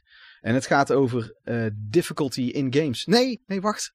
Nou skip ik. Het Het steekspel. steekspel. Het steekspel. Godverdomme. Godverdomme. Stik Hoe kun je dat nou vergeten? Hugo, zeg het eens jongen. Ja. Hè? Heb jij ook gestoken? Ik, ik, heb, ik heb zeker gestoken. hij, zit er, hij, hij zat er helemaal in. Oh, godverdomme, dat is mooi zeg. Balls deep. Ja, zo heb je ook, ook een term voor eh, met zak en al, hè? Dat is ook een, de plompzakker heet dat. Klopzakken. ja, die ken ik. Dat is ook het, het, het, het, het plompzakspel zou het dan ook kunnen heten. Als je inderdaad... eh, Nee, ik denk toch alleen, Peter, dat jij even moet beginnen met, eh, eh, met, met, met hem erin te prikken. Want dan heb ik nog heel even tijd om uit die, eh, eh, ja, wat is het? Dat ik eruit wordt gegooid, eh, limbo te komen. Oké. Nou, ik heb Ja. ehm zit ik ook in. In limbo. Ja. Mhm. Nou, ik heb eh, even kijken. Ik moet wel even kijken welk nummer dat het was. Want ik heb, eh, ik, ik heb Zool heb ik getrokken. Voor de Mega Drive. Oh. oh. De Nin- gefaalde mascotte. Ninja of the Nth Dimension. En eh, ja, het, is, het, het zou de nieuwe Sonic moeten gaan worden, denk ik. of, of zoiets. Het is, ehm, ik, ik kan me nog herinneren dat ik deze op de PC speelde. Ik heb deze heeft eigenlijk mijn vrouw gekocht eh, in Breda een aantal jaren terug. Toen we eigenlijk haar oude Mega Drive, eh, die ze vroeger had, dat we, toen wij die bij ons thuis hadden aangesloten, toen zijn we weer wat Mega Drive spellen gaan kopen. En deze hebben we toen meegenomen. En ik kon me deze nog wel herinneren. Ik vond deze wel oké. En ik kan me vooral herinneren dat ik het een raar spel vond. En ik kon me herinneren dat er Chupa Chup reclame in zat. Dat waren de dingen die ik me Oh, vooral ja. kon herinneren. En ehm het, ja, hij is, uitgegeven door Electronic Arts. Dus het is zo'n rare cartridge. eh, die, eh, die zo groter is dan de normale Mega Drive cartridge. En er zit zo'n soort hapje uit waar een geel blokje in zit. Geel. Ja, Ja, dat, dat gele IE-blokje. Ja. afzichtelijk. Af- afzichtelijk echt. ja. Het lijkt Hey, maar daardoor... Peter, Ja. dat steekspel. Ik dacht dat we gewoon live dan gingen steken in de kast. Ja, dat heb ik al eerder nu- uitgelegd. Als ik dat doe, Op dit dan- moment, je wilt dat ik dat ter plekke doe thuis. Hier. ik dacht dat, dat, dat, dat we dat zo deden. Dan ging jij met je random... eh, Nee, ik, doe dat random van, ding. ik doe dat van tevoren, want ik heb het al een keer, ik heb het al een keer uitgelegd. Ik heb eh, de meest, heel veel games heb ik niet, kan ik niet zo uit die kast pakken. En want het drie rijen diep is allemaal in die Ikea-kast. En ik heb niet heel veel ruimte op die zolder. Zo, Dus zo diep kom je niet, Peter, of wel? Nee, nee dat, Zelfs met plompzakken. dat is heel veel porren. Het is heel veel porren vooral dan wat ik ook moet doen. Maar ik En heb maar ik heb, één rij eh, diep. En ik heb... Ja, dat is al heel wat als ik dat Voor je zoel, eh, voor je zoel een beetje te porren. maar ik heb... eh, maar dat, dat, dat, dat schiet gewoon niet op. Dat, kost allemaal heel veel tijd. Dus ik heb die randomizer uit mijn Excel-bestand waar al mijn games in staan. Daar laat ik hem gewoon eh, eruit rollen, zeg maar. Ja, ja, ja, ja, maar dat, dat, deed je toch altijd live tijdens eh, de opname? Nee, want ik, nee dat doe ik bijna... je- Klik, klik nu en dan... Nee. Oh. Nee, Ik kan wel dat doen alsof. Ik kan wel de boel foppen. En doen alsof. Ja, maar ik dacht ik- dat je dat nu deed. Maar dan denk Nee, ik, want ik haal- ik wil die- al dat je Zool had gespeeld. Ik wil die cartridge, ik wil die eh, de dingen erbij hebben. De, de, de cartridge en het fysiek. Het gaat om het fysieke object ook. Ehm, zodat ik de achterkant kan voorlezen. En wat heel frappant is aan Zool. Wat ik, wat ik heel eh, frappant vind, waarbij ik me afvraag. Want het is gemaakt door eh, Gremlin ehm, Entertainment. Wat trouwens een hele aparte studio is. Want die hebben echt eigenlijk vooral heel veel goede games gemaakt. Maar ze zijn all over the place qua stijl. Eh, en die. ehm, want het- ik, zou zeggen dat er een Nederlander werkt. Want het heet dus Zool. Z-O-O-L. Dat is Zool in het Nederlands. En wat zie je dan dat, dat ninja miertje doen? Die trapt met zijn voet naar de camera. Waardoor je zijn schoenzool ziet. En dan staat er het Zool logo. Staat ook op die schoenzool van hem. Dus er staat op zijn schoenzool. Staat Zool. Mhm. Dus hij is, Ja, dat kan geen toeval zijn. Ik, ik Kan niet. ik- Het, het is gewoon te frappant. Het is, het is, te, het is echt te typisch. Even kijken, één momentje hoor.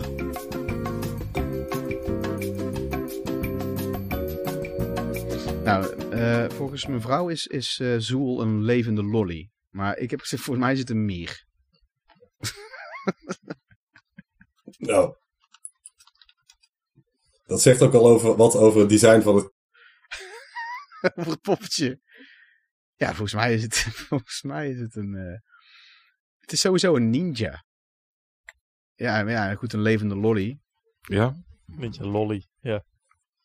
Hier staat ook, many reviewers refer to him as an ant. Maar het is blijkbaar nooit... eh, een gremlin is het. Het is een gremlin ninja. Ja, hij heeft ook, hij heeft ook groene Puntoortjes. handjes. Ja, groene Ja, puntoortjes heeft hij ook. Groene, Nou. groene armen. Ja, het, Is dat mysterie even opgelost? het gekke is, ik heb bij die, bij die naam eh Zoel... Ik, ik, ik kan dus de enige andere plek waar... Oh jee. Ghostbusters. Ja, ik wist al, ik weet, denk dat hij dat ook... Ja, je, Ja, je viel weg. Je, ja, Ja, de, de enige andere plek waar ik het heb gehoord...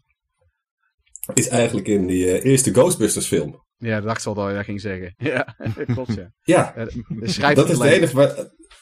Ja, dat Ja, dan schrijf je toch ook dezelfde, of niet? Nee, het is met dub- dubbel U. Z-U-U-L is dat. Eh, Oh ja, dat is het, ja. Oh, Ja, nou ja. maar het spreekt off. hetzelfde. Laat maar dan. Nou ja, je spreekt het wel hetzelfde uit.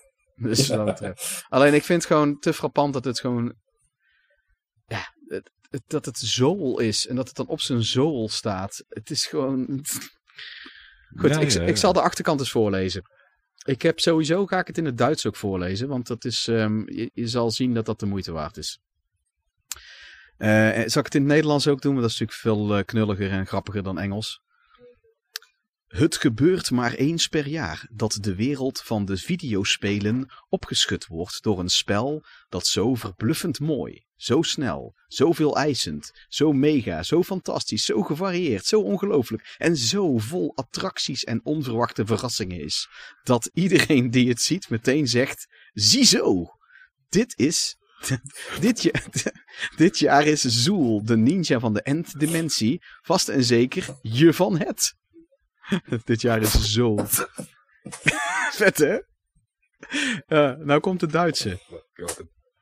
Die al, die al voelt aankomen, maar dit is, dit, is, dit is nog vetter.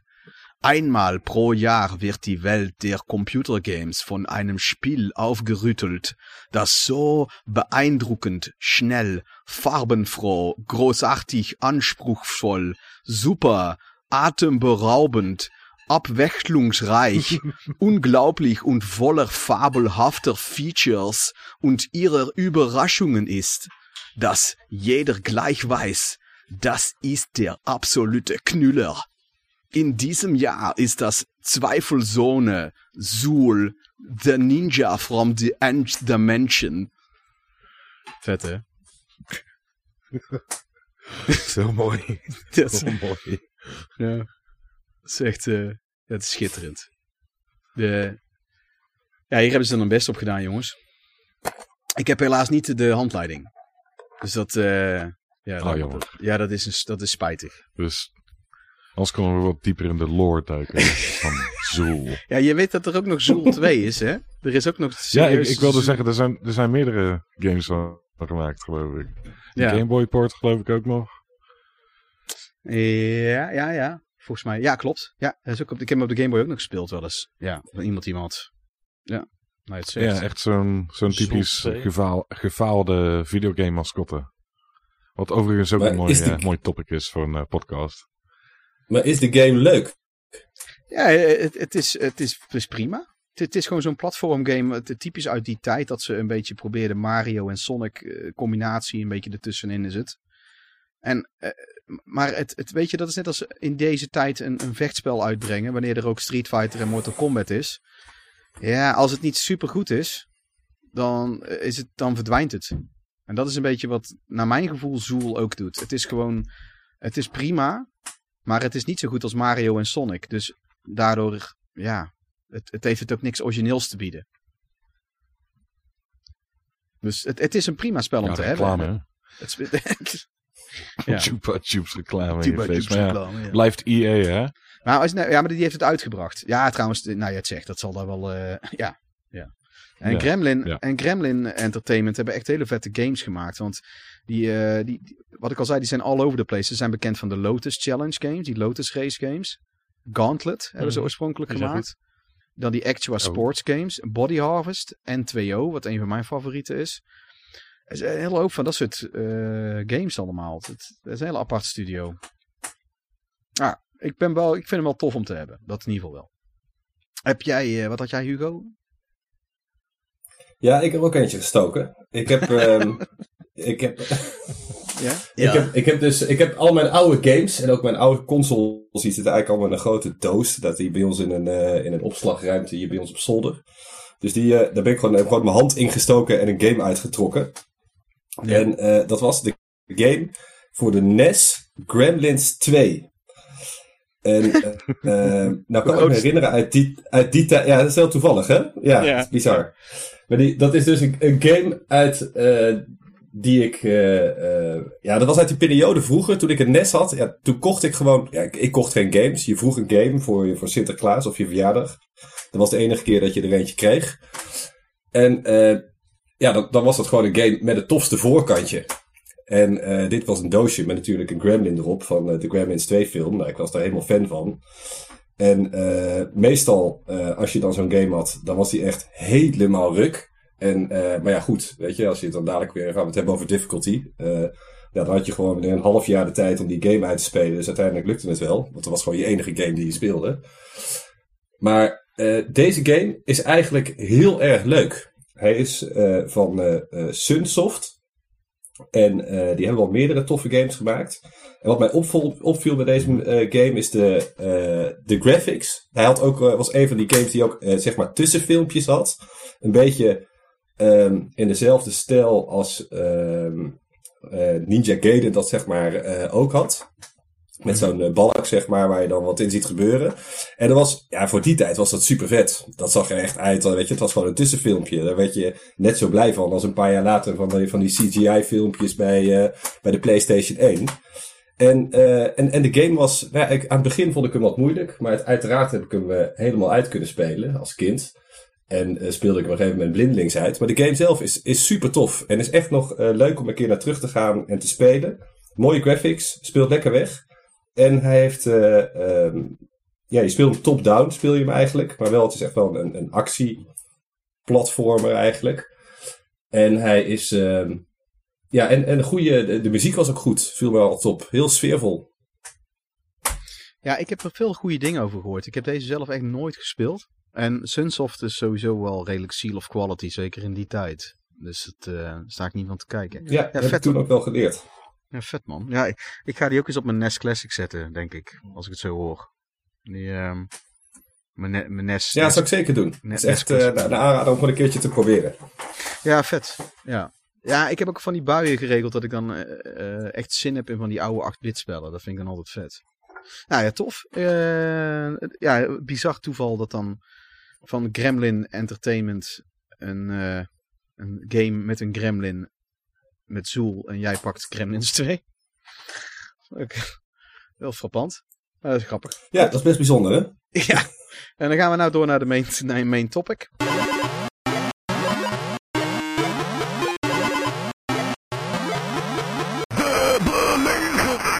En dat is deze keer over difficulty in games. Daarbij pakken we het eigenlijk wel een beetje in broad strokes. Dus we gaan er gewoon het vrij algemeen erover hebben. En in latere podcasts die later eh, nog ooit zullen verschijnen, gaan we waarschijnlijk eens een keer wat meer op details en bepaalde soort difficulties letten. Dus nou, ik heb eh, zelf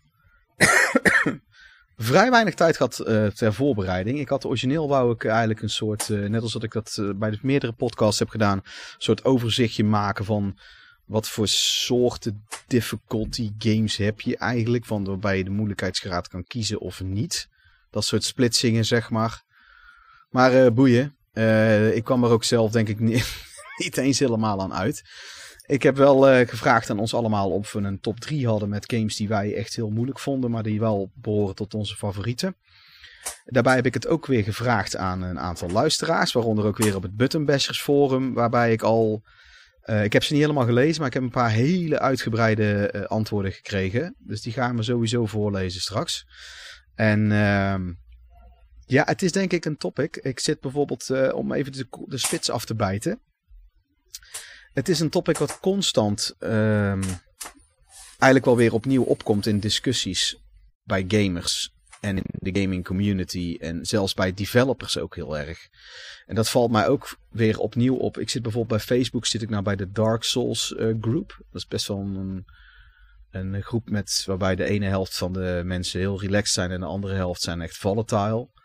Ehm, maar het is wel grappig hoe dat gaat. Eh, en, en, daar komt echt één keer in de maand komt wel weer iemand die een post maakt over, eh, over, over van zou er niet een easy difficulty moeten komen. En dan, zijn, dan merk je dat er echt van die puristen zijn die vinden dat dat absoluut niet moet. En dan zijn er een paar die zijn er genuanceerd over.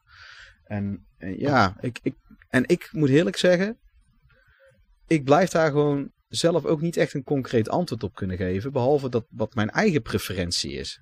Wat ik zelf prefereer. Maar ja, dat is natuurlijk niet iedereen. Weet je wel. Ehm, en ik heb gewoon dat zelf heel erg gemerkt. Dat ik bij zo'n game, zo, die From Software games, zoals die Dark Souls games en Bloodborne en zo. Ik prefereer het juist dat er geen difficulty setting is. Dat ik juist één moeilijkheidsgraad en daar moet ik het mee doen. Ik merk zelf, maar dat heb ik eigenlijk altijd wel gehad. Ik, ik, bij de meeste games hou ik daar zelf heel erg van. Dat, ik, dat, dat het gewoon eh tailor-made is op een bepaalde manier. En daar moet je het mee doen. Ik hou er ook heel erg van bijvoorbeeld als er bij, eh, zoals bij Alien Isolation, die ik laatst weer eens een keer gespeeld heb. En ik heb die hier ook al, zoals luisteraars weten, al drie keer uitgespeeld. En er staat bij één, één de normal moeilijkheidsgraad en eentje daarboven. Als je één, eentje moeilijker gaat zitten op hard, dan staat daarbij van dit is eigenlijk zoals de game bedoeld is. En dat vind ik zelf al wel fijn. Dan, daar begin ik dan ook meestal mee. Zo van, oké, als, als, jullie willen, als jullie als makers vinden dat dit eigenlijk de manier is waarop ik moet ervaren, maar jullie hebben gekozen van, nou, laten we het iets makkelijker maken voor de casual gamer, dan ga ik altijd zitten op dat punt eigenlijk. Ehm, oké, nou, dat, dat als eh spits afbijtende. Eh, daarna wil ik even, laat ik gelijk beginnen met een vraag. Ehm even kijken. Ja.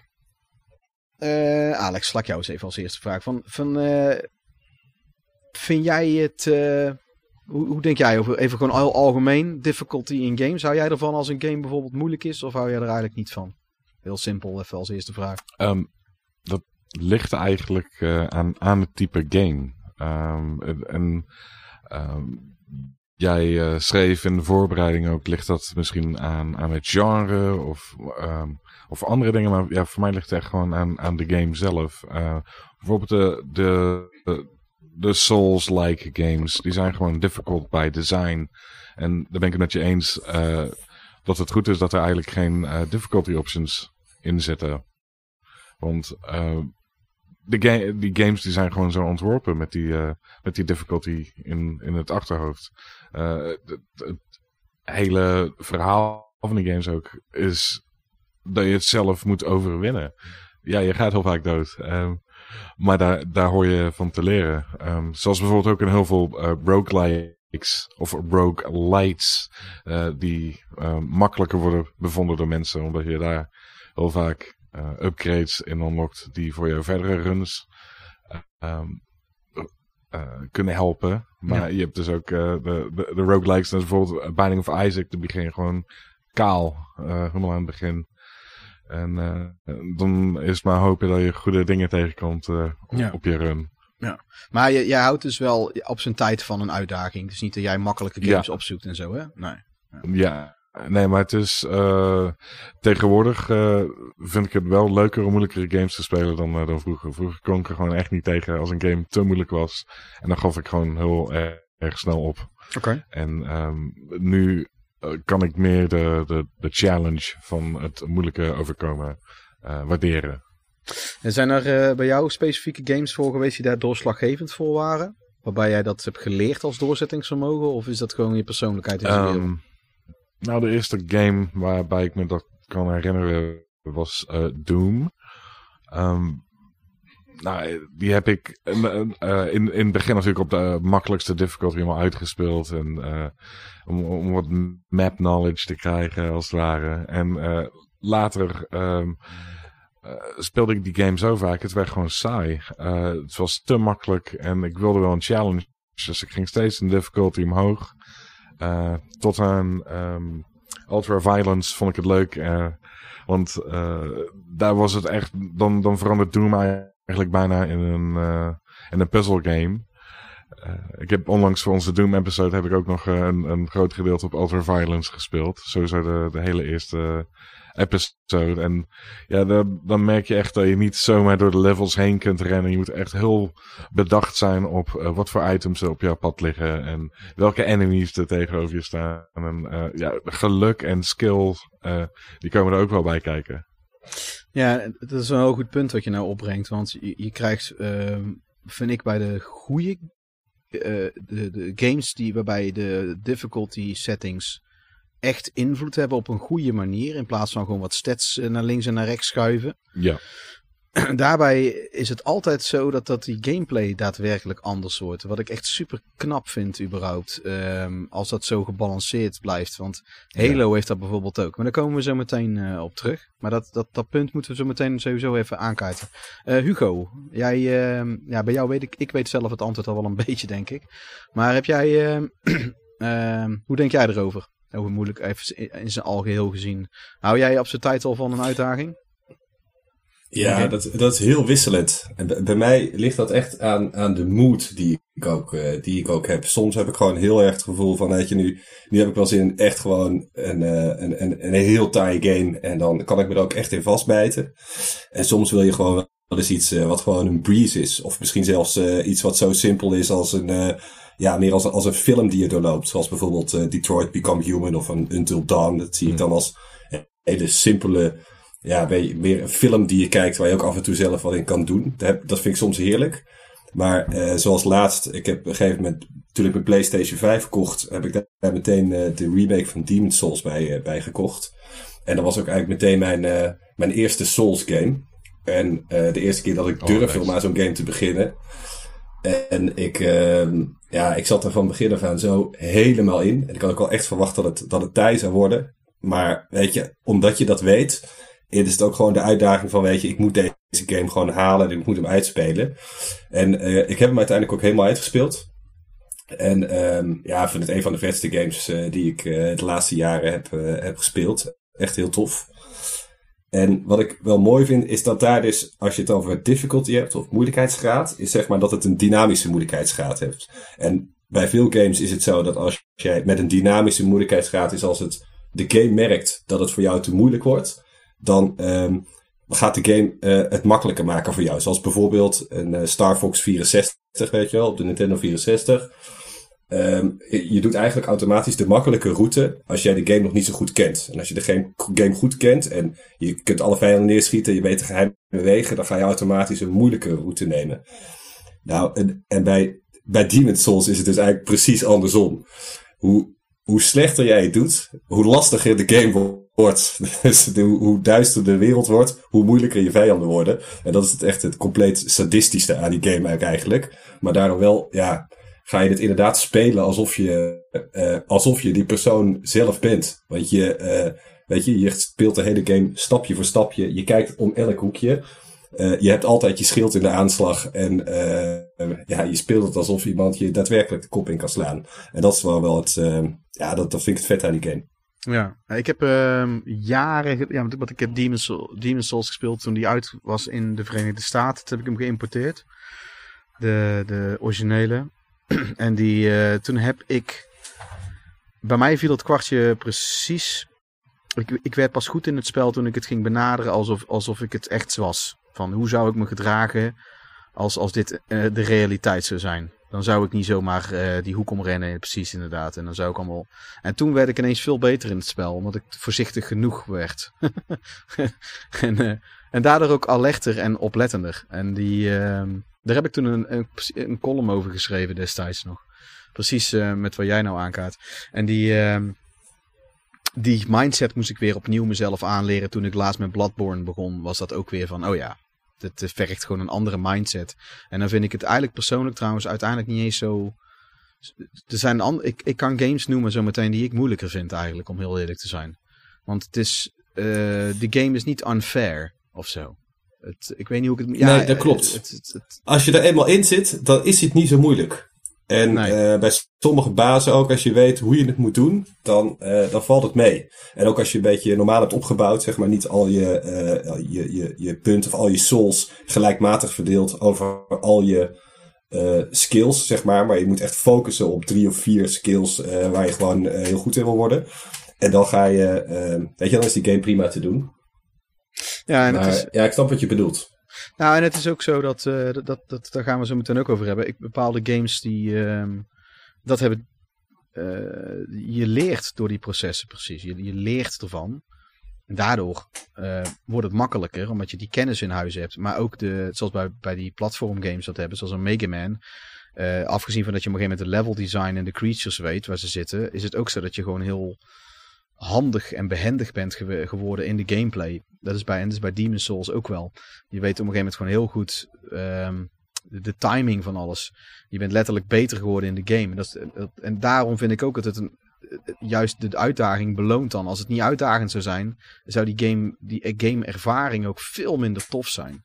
Veel minder tof. Nou ja, het is, Het zit hem echt in het, in het gevoel wat je hebt. Het gevoel dat je zo, uh, dat je zo door, door die uh, poort van uh, mist heen loopt. die baas ziet, die je volledig overweldigt. En de eerste keer gewoon met één of twee knallen je meteen doodramt. En je denkt van, nou, deze baas gaat mij echt nooit lukken. Dat weet ik zeker. Dit wordt lastig. En toch, je gaat blijven proberen, je blijft proberen, blijft proberen. En sneller dan je dacht, word je er beter in. En versla je hem uiteindelijk. En op een gegeven moment kun je het bijna blindelings. En dan zeg maar dat je weer ouderwets uh, zit te juichen achter je beeldscherm. Dat zijn van die momenten die je eigenlijk alleen hebt bij ja, dat soort games die, ja. ja weet je, die, die echt uitdagen. En dat, ja. dat, dat is gewoon een lekker gevoel en een tof gevoel. Ja, ik had het bij, bij Bloodborne ook. Ik had zelfs bij die, die DLC die veel moeilijker is. Was ik, ik was zo goed geworden in die parries. Dat ik die, uh, die Maria, wat echt zo'n het infameus moeilijke basis volgens mensen die niet goed zijn in parries dus. Die had ik in één keer verslagen. Een beetje geluk zit er ook altijd wel bij hoor. Maar dat, uh, ja, maar goed. Uh, Oké. Okay. En Klaas? Want we gaan zo meteen gaan we het er nog even verder over hebben. Klaas, uh, ik denk ik praat even verder, want jij ziet, ik zie jou steeds offline en online blijven gaan. Ja, het, ik, klopt. Hij valt heel weg. Maar ik luister wel mee hoor. Ik heb, uh, ik, ik, ik, heb niet zoveel moeilijke games, of althans met uitdaging. Maar ik hoor net wel van het, het zit in een stukje training. En ik denk dat het ook meer is dat ik daar gewoon geen tijd voor heb. Dus op het moment dat ik dan even kan gamen, dan is het niet zo dat ik dan uh, de hele tijd vast wil zitten op een, uh, nee. op een bepaald stukje. Nou, dat is dus ook wat ik... games vaak ja. meer voor het verhaal. Nou, dat is waarom ik al jarenlang bijna geen fight game speel. Je moet die eigenlijk elke avond gaan spelen een uur. Wil, wilt een fighting game echt tof zijn? Wilt je, wil wil je er echt een goede ervaring uithalen in plaats van een beetje continuous door, doordrukken? En net als bij Shmups is dat ook hetzelfde. Maar sommige, ik, ik heb best wel een paar Shmups liggen waar ik best wel goed in ben nog steeds. En die, die, waar ik redelijk ver in kom voordat ik eh, echt eh, continuous moet gaan happen. Maar bij zo'n fighting game, het, dat, het is gewoon niet leuk als het te makkelijk is. Maar het is ook helemaal niet leuk als je er geen reet van bakt en constant weer, game, eh, weer een, naar het character. Dus ik heb me daar ook al jaren niet toe gezet. En, maar jij, jij bent bijvoorbeeld met Cyberpunk bezig, hè? Ook. Ehm, ik, ik merkte daar bijvoorbeeld aan dat het best wel sterk kon wisselen qua moeilijkheid. Ligt eraan hoe je het ook benadert. Ehm, hoe speel jij die dan? Hoe, hoe, hoe, speel jij, eh, heb, je die op een bepaalde difficulty setting gezet? Of hoe benader jij die cyberpunk eh, wereld? Nou, ik op de laagste dif- difficulty. ja, ik zet alles altijd op easy. Het moment dat ik ga spelen, dan eh, Ja. easy. En dan ga ik spelen. Ja. Oké. Super easy. Nou ja, goed. Dat, Ja, eh, ja.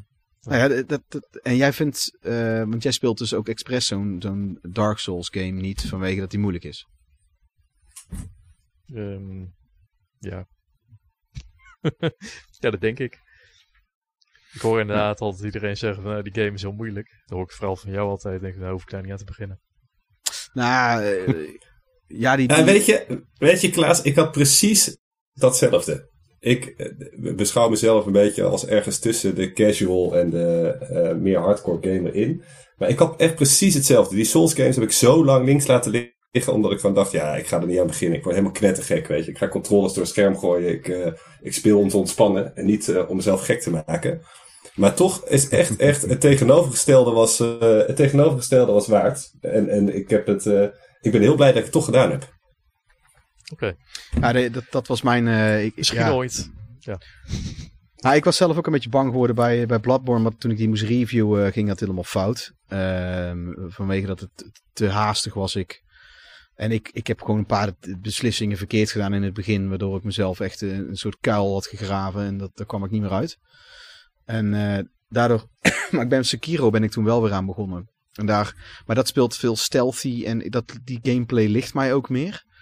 Ehm, terwijl heel veel Dark Souls fans eh, en liefhebbers juist ontzettend veel moeite hebben met die game.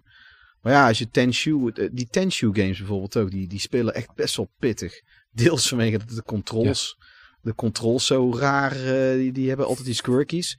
En maar toch, ik vind, die, ik vind die zo vet om te spelen. En dat, dat is ook omdat ik die wereld vet vind en ik vind ninja's gaaf en ik vind dat stealth en dat ik ben Ja. gewoon gek op Japan. Het middeleeuwen Japan vind ik Peter. ook heel... Ja? Had je ook niet tijdens die, eh, die reveal trailer van eh, Sekiro... eh, toen dacht ik echt aan het begin van... Oh shit, we gaan een nieuwe Tenshu game krijgen. Maar toen bleek het Sekiro te zijn. Ja. Ja, want hun hebben de laatste Tenshu game hebben hun ook gemaakt. Toevallig. Juist. Ja, dat dacht ik ook. Maar ja, het is niet zo. Niet, laat niet weg dat Sekiro ook gewoon heel vet is. Maar die, moet je dus ja, nog steeds uitspelen. Dat is wel een beetje een nadeel van dat soort spellen. Eh, ik ben er nou helemaal uit. Ik denk dat ik nou weer opnieuw moet beginnen. Dat, dat vind ik wel, dat, daar zie ik dan wel weer tegen, tegenop. Dat eh, dat, is, eh, dat is een nadeel van dat soort dingen. Maar ook precies, hè. Je hebt dus... ehm, Kijk, laat ik eventjes een algemene vraag weer verder behandelen. We hebben nou redelijk aangegeven hoe wij er allemaal over denken. En al een paar namen, een paar dingen genoemd. Eh, wanneer is het goed als een game heel moeilijk is? Nou, daar hebben we al een beetje antwoord op gegeven. Ik heb daar een, eh, een beetje een, eh, een stukje over. Eh, ik heb bijvoorbeeld erbij gezet voor mij al- als het maar eerlijk blijft aanvoelen. Bijvoorbeeld eh, op de Super NES met Mario, Super Mario Kart verliezen van Mario, die, terwijl die zeker weten niet over een vraagteken is gereden, ineens een sterretje Ja. krijgt. En jou met, met zijn irritante klote stem voorbij race. En eigenlijk heb je er nooit iets aan kunnen doen. En hij heeft gewoon vals lopen spelen. Ja, dan, dan Ja. heb ik echt zin om... Dit doe je, dit doe je expres, hè, Peter. Dit doe je expres. Ik ben dat, je dit, dat je dit trauma weer bij me naar boven haalt. Ik ga nou langzaam... Tijdens deze podcast. We gaan het zo meteen... Ik, ik heb nou een mooie opening naar Mario Kart. en nou gaan we het zo meteen over de Nintendo 64 eh, versie hebben, inderdaad. ja, mijn, mijn, eh, mijn, mijn mutant power om dat spel altijd te winnen met die ballonnetjes. Oh man. Ja. Weet je ook nog waarom ik altijd Mario werd, of niet? Ja, dat is de irritant. Wee! Ja! Oh, verschrikkelijk. En vooral, Verschrikkelijk. vooral degene die, eh, die- van, van de klote poppetjes die won. Die zei dan ook altijd nog wat op het scherm. Als je dan eh, weer naar de keuzes Ja. kijkt. Ja, nog zo'n dis. Zo'n laatste, zo'n zo'n laatste zout in die, in die wond, zeg maar. En dan was Mario was gewoon veruit. Ja, veruit met stip de meest irritante gewoon. Met dat number one. En dat, en ja, als je het zelf... Mario, number one. Verschrikkelijk. Verschrikkelijk. Ja. Ja, dus dat was... eh, dus dan, als je het dan zelf bent, dan is het minder irritant. Dan is het alleen voor de rest irritant. Dat, Ja. dat, eh, maar eh, ik had dus als, als eerlijk blijft aanvoelen.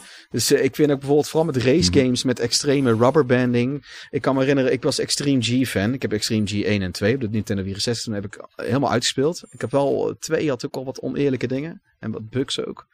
En toen had je Extreme G3, zag ik ineens liggen. Oh, dat is gaaf. Nou, en, dan, en dan had je dus verderop drie eh, tegenstanders. Die reden met z'n drieën bij elkaar. En er werd helemaal niks, geen wapens afgevuurd. Dus ik denk van, oh, die hebben hun wapens zijn op. Want anders zouden ze elkaar wel raken. En ik haal hun drie in. En ze beginnen met z'n drieën tegelijkertijd op mij te knallen met raketten en nou, ja, alles wat je... Dus ik was daarna gelijk weer laatstes. Ja, dat, dat soort dingen, hè. Daar kan ik echt, daar kan ik echt niet tegen. Ik heb hem toen ook uitgezet. Ik heb het spel Ja, maar- daarna nooit meer gespeeld. Ik heb, ik heb hem uitgezet en nooit meer gespeeld. Ik had er gewoon helemaal geen zin meer in. Want ik, het, het, het viel me al op dat het af en toe dat er wat rare dingen gebeurden. En dat was zo'n overduidelijk bewijs hoe dat die AI is geprogrammeerd, zeg maar. Eh, dus dat vind ik zelf vooral heel belangrijk. En, ehm, en, en dat uitdaging deel is van de core gameplay en, en learning. Dus dat je echt gewoon, zo, als jij, dat als jij beter wordt in de game, dat het dan ook loont. Dat is bij sommige spellen ook niet helemaal. Eh, dan vind ik het goed als het, moe- als het heel moeilijk is. Ehm, even kijken. Ik heb bijvoorbeeld ook staan. Shmups moeten moeilijk zijn, naar mijn mening. Of in ieder geval oplopen in moeilijkheidsgraad. En fighting games, idem. Ehm, maar dat moet niet voelen als cheating. En zo meteen komen we op een, eh, ehm, een van mij. Een game waarin ik echt best wel zwaar zuig. En ik heb toevallig eh, het vandaag met Michiel Kroder erover gehad. Dat is echt een fighting game kenner. Die is eh, de vorige aflevering was hij te gast. En de aflevering van de Smups ook. En die heeft mij nou uitgelegd waarom dat ik waarschijnlijk zo zuig in dat spel. En dat is namelijk, eh, zal ik maar gewoon zeggen, nou, dat is SVC Chaos, SNK versus Capcom 2 is dat eigenlijk. En die is gemaakt door SNK. Je hebt ook eh, Capcom versus SNK, dat is dus door Capcom gemaakt. Een samenwerking tussen die twee. En ik heb, ik heb weinig ervaring met SNK fighting games. Ik heb die niet veel gespeeld. Ik heb vooral Capcom games heel veel gespeeld. Dus dit voelt heel anders aan. En ik kan er maar geen vinger op leggen Mhm. wat het was. En ik ben met Ken heel goed en Mario. Ik heb, deze heb ik gekocht. Voor de PlayStation 2 is het die game. Ik heb die gekocht in de tijd dat ik echt achterlijk veel fighting games had gespeeld. Ik had een enorme ervaring met Killer Instinct. Dat weet Hugo ook nog wel. Eh, dat ik daar eh, zoveel uren in heb gepompt in dat spel. En ik eh, eh, dingen ook. Eh, Street Fighter Alpha 3. En Da- daar maakte ik ook. Daar maakte ik ook geen schijf van kans. Dat was echt één seconde en dan kwam daar die, eh, die 128 hit combo en dan eh, was het eh sloes. Superleuk altijd, superleuk. Ja, maar ja, daarentegen, daarentegen Tek- ik had bij Tekken 3 alle characters unlocked, zelfs die ene hele rare, en was ik echt keigoed. Maar als ik tegen jou ging spelen, verloor ik volgens mij alles. Ik, ik heb hem toen ja, uitgezet. klopt. Ik was toen ook heel boos. Ik heb toen ook, heb ik hem ook, net als wat jij bij, bij mij deed met Mario Kart, Ja, heb ik hem ook gewoon zo uitgeramd. Maar ik het gewoon echt niet meer kon uitstaan. ja, maar, ik, maar eh, dat komt, want ik mocht van jou niet button bashen, maar dat was de enige manier om te winnen. Dat ik gewoon volledig random op die knoppen drukte. En dat, kon jij, dat trok jij zo slecht. Ja, dat was echt verschrikkelijk. Dat trok jij heel slecht, ja. Ja, maar moet je nagaan, dat is, het, dat is het zeg maar hetzelfde als dat ik. eh, dat, dat ik nou zou gaan. Dat ik nou een leerling krijg die gaat. Die, gaat. die voor het eerst op drumles komt. en die speelt mij er gelijk helemaal uit. Dan zou ik ook echt zoiets hebben van: oké, wat, wat slaat dit op, weet je wel? En dat was met dat ook. Door ogenschijnlijk random op die trommels te staan. Maar dat is met dit ook. Ik had maandenlang dat ik dat Tekken 3 zit te spelen en oefenen. En jij komt, jij komt aanzetten op een middag en je slaat me de hele tijd volledig in elkaar. En het maakt ook niet uit met welk poppetje. Want je, hebt ook van die mensen eh, die, die altijd hetzelfde poppetje kiezen. Want die werkt goed. En dan, dat, dat vind ik nooit zo indrukwekkend. Maar jij koos constant een andere. En ik ook. En ik verloor gewoon echt aan, alleen maar. Dat is zo ontzettend. Ja. Maar ja, eh, eh, ja nou weet ik hoe het is. Nou weet, nou weet ik hoe het is voor jou. omdat onze, Ja, ja, onze speelstijlen zaten gewoon te ver uit elkaar. Jij wilde echt, eh, jij, wist, jij wist gewoon echt wat je deed. En ik wist echt helemaal niet wat ik deed in die games. Echt volledig, volledig blanco. Dat, Ja, en, en Tekken, Ja. Tekken staat erom bekend, zoals eh, Giancarlo dat in een eerdere podcast zei, als dial a combo noemde hij dat. Dan druk maar gewoon maar in en er komt wel een combo uit. Ja, dat is echt... Oh. Maar goed, die SVC Chaos. Ehm, ik sprak daar dus Michiel toevallig vanmiddag over. Dat dat mijn Achilleshiel is, dit spel. Want je, de mensen weten misschien inmiddels... Ik ben echt groot fan van Gargoyles Quest en Demon's Crest. Die, die, die eh, games van Capcom waarbij je met die, eh, die rode demon speelt. En die kan je hierin unlocken. Nou, wat ontzettende leuke challenge moet je daarvoor doen om die te vrij te spelen, Peter? Nou, ik zal het eens vertellen. Je moet daarvoor de survival mode 37 vijanden weten te verslaan, achter elkaar. Ehm, weet je hoe ver ik ben gekomen, jongens? Ik ben niet verder dan 8 gekomen. En daar heb ik dan uren moeite voor gedaan. Dus en dan heb je zo'n Mr. Karate met zo'n penisneus. Die er ook zo lekker met zijn vuist, eh, met zijn hand aan gaat zitten trekken zo. En, en dat soort dingen gaat dan echt mateloos irriteren. Maar toen ben je gewoon, je, je- je, borrelt die haat en die frustratie borrelt steeds verder op. En Michiel die weet heel goed hoe die games werken. Die heeft zich best wel in verdiept. Die zei, ja weet je wat het is? Hij zei, waarschijnlijk speel je heel agressief. En dat klopt, ik speel die spellen heel, heel fel. Ehm, zeker als ik met zo'n Ken-figuur speel.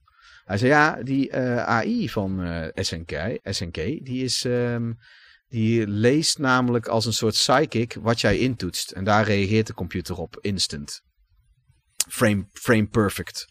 Dus als jij met allemaal moves, als jij initiatief neemt, is hij jou eigenlijk altijd te slim af. Ook al zet je hem op very easy. Die, die AI is blijkbaar daar te slim voor gemaakt. Dat, het maakt ook helemaal geen zak uit of je hem op very easy zet. Of, of op normal laat staan. Of op hard. Bijna. En hij zei, ja, je moet heel passief spelen. Heel veel blokken en gebruik maken van de timer. En je moet, eh, en, je moet eigenlijk de, de computer alles laten beginnen de hele tijd. Nou, echt Jezus Christus nog aan toe. Dus ja, meen je dat? Dat is toch helemaal niet leuk? En hij zei ook, hij zei ook nee, dat is ook helemaal niet leuk. Die spellen zijn versus heel leuk. Eh, te- tegen de computer moet je hem alleen maar spelen om dingen te unlocken. En verder moet je het gewoon alleen maar multiplayer spelen, want het is echt ruk. Nou ja, we hebben weer wat geleerd vandaag. En eh, dat vind ik dan dus niet leuk. Dat, dat, is- dat is gewoon dus niet leuk. De computer speelt eigenlijk gewoon hartstikke vals, weet je wel. Ja. Nou goed, dat eh, zijn mijn twee centen op die vraag. Ehm, en jullie hebben denk ik, ja, Hugo, Alex, Klaas. Ja, Klaas die wilt niet... Ja, trouwens Klaas, zou jij, wanneer zou jij het wel goed vinden als een game heel moeilijk is? Zou jij daar bijvoorbeeld een bepaalde... Stel, je hebt nou gewoon wel alle tijd van de wereld. Dat terzijde dus. Dat je geen tijd hebt. Mm, ja, ik heb dat met, met, met race games. Ja. Die kunnen Ja, maar- moeilijk genoeg zijn.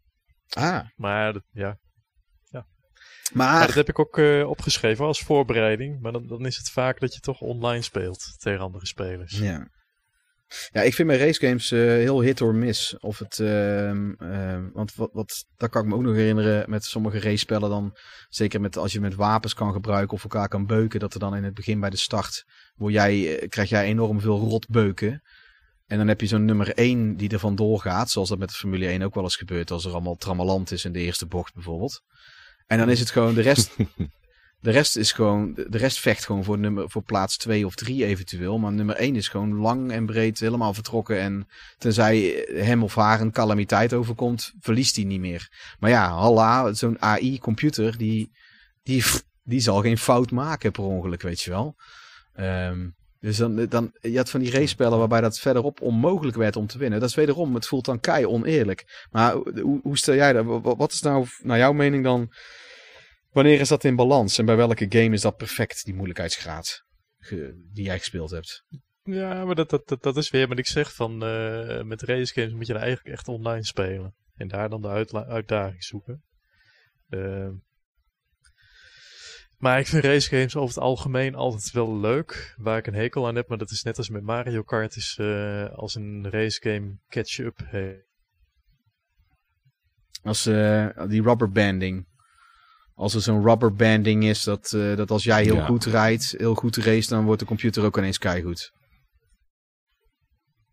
Ja, precies. Ja, je kunt nooit weg. dat jij zelf al niet eh, beloond voor, 300 eh, km per uur rijdt. Even wachten, k- k- Ja, Alex? Dan rij je... da- ja, sorry. Eh, Dan rij je zelf bijvoorbeeld... al- Bij mij komt, eh, springt burn-out meteen in mijn, in mijn gedachten. Als je daar als eerste lag en, en jij, jij wist al van ik rij op mijn allerhardst. eh, dan zie jij die, de AI achter je. Die zie jij zo snel dichterbij komen. Dat, dat, die auto's kunnen eigenlijk niet zo snel. Die, die, die moeten minimaal 500 km per uur rijden. Terwijl, het- terwijl jij dat eigenlijk nooit zou kunnen doen. Ja, Nee, dat is bij, niet eh, cool. bij Cyberpunk is dat trouwens, bij die races is dat ook precies hetzelfde. Sterker nog, je ziet ze op de kaart, zie je ze spawnen achter je. Zie je zo plop, plop, plop, plop, plop, zie je ze in beeld. Ja, maar dat, aan de andere kant, bij die game vind ik het ook, dat- daar gaat het niet om het racen. De races zelf zijn Nee, trouwens best wel, best nee. wel leuk om te doen. Maar eh, K- Klaas, jij, was, jij zei er ook nog wat van. Dat, eh, Eh, ja, wat Rubber Alex al banding. zei. ja, die rubberbanding, ja. Ja, ca- catch up. Ik weet nog dat je vroeger, eh, ik weet niet wat voor een game dat was. Eh, Was dat niet Lotus of zo? In ieder geval, dan kon je dat ook aan of uitzetten. Catch up, aan of uit. En ik weet nog, op een gegeven moment noemde ik dat bij mijn buurjongen altijd eh, catch up. Dus dat is een beetje blijven hangen. Ja, ja, ik snap catch- Ja, en sommige games hebben dat, sommige race games hebben dat echt. Ik, ik, ik, ik bijvoorbeeld bij, eh, bij Mario Kart heb ik het, is, is het ook die rubber banding erin. En dat vond ik bij de, in. bij de Wii vind ik hem echt verschrikkelijk. Eh, waarbij het ook vaak ook maakt niet uit hoe goed je rijdt. Bij sommige parcours, bij sommige circuits verlies je eigenlijk. Het is gewoon een dobbel, dobbeltjes, een heel dobbeltje werpen. Of je wel of niet wint. Het is gewoon gok, een gok of je wint. Eh, maakt niet uit hoe goed je race. En bij de, dat is eigenlijk vanaf Mario Kart 7 is dat, is dat niet meer. Als je dan gewoon goed race, dan win je ook eigenlijk altijd. Word je ook wel beloond, klopt. Ja. ja en, en, maar als jij helemaal achteraan ligt, dan krijg je de hele tijd een bullet bill, weet je wel. Dan word je best wel goed geholpen. En dan kan je, nummer 1 kan je dan vaak niet meer halen. Ik, ik, heb, eh, ik heb ook hier, als ik het met vrienden en familie speel, thuis. Ik, eh, ik mag niet meer gelijk meedoen. Ik moet eerst wachten totdat ze aan de horizon verdwenen zijn. Of 10 seconden wachten, zoiets. Dan mag ik pas eh, meedoen. Ehm, ik heb ze kan best wel... komen.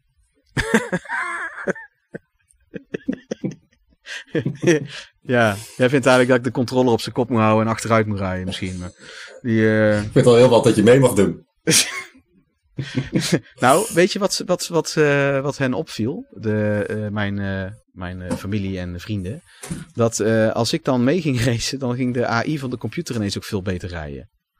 Die paste zich echt aan aan degene die, die het beste bezig is bij de multiplayer ook. Als je dan zo'n race deed.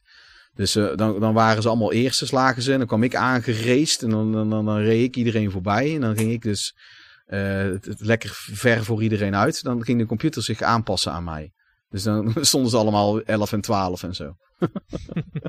dus dat, ja, maar, maar ik merkte wel, ik, pro- ja, goed. Ja, ik, ik vind dat bij Mario Kart wel steeds beter in balans, laat ik het zo zeggen. Dus die, die, die SNES-praktijken die zijn weg. En, ehm, Ja, maar heb jij, hem- heb jij hem geprobeerd? Smerige cheat-praktijken. eh. ja. Wat zei je, Hugo? Maar heb jij hem al geprobeerd, eh, heb je hem al geprobeerd om hem eh, te completen? Zeg maar alles, zeg maar goud te halen en drie sterretjes? Op welke? Welke? Eh, ja, Mario Kart 8 is dat. Ja, volgens mij, ik heb daar alles, ik heb daar alles unlocked. Alles. Oké. Maar die- Dan vind ik het wel lastig worden. Want dan moet je echt tactisch gaan spelen eigenlijk. Als je het, want dan moet je eigenlijk niet van begin af aan eerste gaan rijden. Maar meer een beetje bij de top drie. En dan pas op het laatste eigenlijk pas eerste gaan rijden. Op Ja, voor die blauwe- manier, Om dat zeg maar te voorkomen. Om te voorkomen dat je op het allerlaatste moment alsnog zeg maar een schildje tegen je kamers aan krijgt. En vlak voor de finish zeg maar drie ronden één rijdt. En vlak voor de finish eh, de, de tocht eruit gebonjourd wordt. Ja, je moet, eh, je, moet, je moet nummer twee bij jou in de buurt houden. Zodat je op de rem kan gaan als er een blauw schildje aankomt. Ja, precies. Ja, ik had een paar manieren. Maar op de Wii was het veruit het ergste. De Wii is echt. Is, is- dat vond ik gewoon niet leuk. Dat was gewoon op een gegeven moment. Voelde echt als werk. Om, om, om daar. Ik wou wel alles vrij spelen. Maar dat was echt, echt gewoon niet leuk meer. Was echt, echt kut. En op de, vanaf na de Wii had ik dat niet meer. Ik vond hem op de, die op de DS vind ik dat best wel goed te doen. Dan moest ik alles opnieuw doen, want eh, mijn vrouw had eh, per ongeluk heel die save verwijderd. Eh, maar ze dacht van ja, nieuw game, kan toch? Het- ik wist, eh, maar ik wist zelf ook niet dat er maar één save op zat, was ik ook vergeten. Dus weet je wel, ja, meestal kan je twee of drie profielen hebben, maar ehm, was dus niet. Wat trouwens ook wel, wat zo leuk is aan die Mario Kart op de DS, ehm, is dat je je eigen, dat je die, dat je je eigen logootjes kon maken, kon tekenen. Dus dat, eh, dat heel het internet vol zat met piemels en hakenkruizen daardoor. Dus, eh, als je dat online ging, spe- ging spelen. En gek genoeg, gek genoeg hebben ze dat niet voortgezet op de Wii U en zo. Vind ik zo vreemd dat ze dat niet gedaan hebben. Hmm. Goed. Ja, ja, maar Drawn to Life ook. Daar heb ik ook als eerste zo'n Hitler gemaakt. En dan, eh, dat, dat is ook... Het, het is- ziet er gewoon heel grappig uit. Het ziet er gewoon heel grappig uit dat je heel dat spel met zo'n Hitler speelt, doorspeelt. En het is heel kinderachtig. Het is heel, ik geef ook toe dat het puberaal was dat ik op mijn negentiende dat nog deed. Maar goed. Ehm, even kijken. Wanneer is het juist goed als een game heel makkelijk is? Heb ik dan ook als vraag. En eh, zou je altijd Nou, ik- de keuze moeten krijgen om een easy mode te kunnen kiezen? En zou het ook juist altijd mogelijk moeten zijn om super moeilijk te moeten kiezen? Ik had eigenlijk nog een, een, een toevoeging op jouw, eh, op jouw Ja? vorige subject. Ja. Eh, dat is eh, moeilijke games zijn niet erg om te spelen als je ze snel kunt restarten. Dus denk bijvoorbeeld aan een eh, Super Meat Boy. Eh, daar, ja, als je daar doodgaat, dan span je eigenlijk vrijwel meteen weer en kun je meteen weer pro- proberen dat level te tackelen. Ja, en dat is ook zoiets, hè. Da- daar, daar wil ik ook nog een aparte topic een keer aan besteden. Aan, aan doodgaan in games en levens hebben in games. Er zijn heel veel van die games waarin ik het... Waarin je wel levens moet verzamelen steeds en allemaal moeilijk moet doen. Terwijl eigenlijk totaal niks toevoegt. Het zit er gewoon in, omdat het bij Mario erin zat. En mensen hebben het gevoel dat het erin moet blijven. eh, dat je levens moet hebben. Dat vond ik eigenlijk al op de Super Nintendo bij, bij Donkey Kong Country. Het, vergis je niet, ik ben zwaar fan van de Donkey Kong Country games. Maar wat ik deed was altijd teruggaan bij Donkey Kong Country 2 bijvoorbeeld naar dat schip. Dan haalde ik 60, 70 Mhm. levens. Hè, dat ik, dat ja, ik tering ja. veel levens had. En dan ging ik de rest, dan ging ik het spel verder spelen. Dus ik zorgde eigenlijk ervoor dat het helemaal niet uitmaakte. En naar mijn mening zou bij zo'n game, zeker bij die latere Donkey Kong Country op de Wii ook en zo. Die ik trouwens echt wel vet vind hoor, die Donkey Kong Country Returns. En, ehm, en die andere, die Tropical Freeze. Maar die, voor mij kan je dit net zo goed gewoon weghalen. En, en laat me gewoon het heel makkelijk opnieuw kunnen doen. Want die, die spellen worden ook ontzettend pittig. Vooral die geheime levels. En het, het, het voegt eigenlijk niks meer toe. En dan vind ik nu nog steeds, heb ik bij sommige games iets van ja, haal dat er gewoon uit. Dat, dat met die, eh, en, en precies wat jij zegt, dat, dat je ook gestraft wordt als je doodgaat. Dat, eh, dat is ook bij Symphony of the Night. Een minpunt aan Symphony of the Night is als je doodgaat, kan je echt, nou, duurt vijf tot tien minuten of zo voordat je weer terug bent waar je, waar je safe was, zeg maar. Het duurt echt ontzettend lang. Mhm. Mhm. Eh, eh, het- dat is een klein minpunt hoor. want Die, die games staan genoeg perfect verder. Maar de, dat, dat, eh, daar, daar merk je gewoon van, dat zijn van die, van, die, van die tradities die erin sluipen in gameplay, terwijl dat eigenlijk helemaal niet hoeft. Maar dat, wil ik, het- dat wordt een aparte topic een keer. Maar dat vind ik inderdaad precies wat je zegt. Super Meat Boy eh, straft jou niet verder af. Het laat jou de challenge gelijk weer opnieuw doen. Waardoor het ook veel minder frustrerend Inderdaad. is. En het is deel van de gameplay. En als je, ja, en als je zo'n level hebt gehaald, dan zie je eigenlijk al jouw ghost runs van jouw vorige attempts, eh, Ja, waar dat- je bent doodgegaan, die zie je nog eens eventjes eh, in real dat- time voorbij komen. Dat is een geniale toevoeging. Want dat is echt een soort feestje. Ja, hele, hele coole feature. Ja, dat is echt zo'n feestje op het eind. Eh, als je het dan hebt gehaald, kan je even, kan je even toekijken hoe, hoe je hebt gefaald. En, en hoe jammerlijk, eh, vooral als je er heel lang over gedaan hebt. eh, zo'n sprei aan van die meatboys die je dood ziet gaan. Inderdaad. Ja, echt heel vet. Ja, soms is het. Maar soms, ik ben, ik ben het deels met je eens eh, daarover. Hè, dat je weer meteen opnieuw beginnen is wel lekker. En misschien ook wel eh, hoort dat een beetje bij de moderne games. Maar soms is het ook wel weer zo. eh, het, het gevecht met een eindbaas of zo. wordt veel eh, spannender. Als je weet dat je daarna weer een heel kut eind opnieuw moet. Dat, eh, ja, weet je, da- daar wordt zo'n gevecht, gevecht wel heftiger van.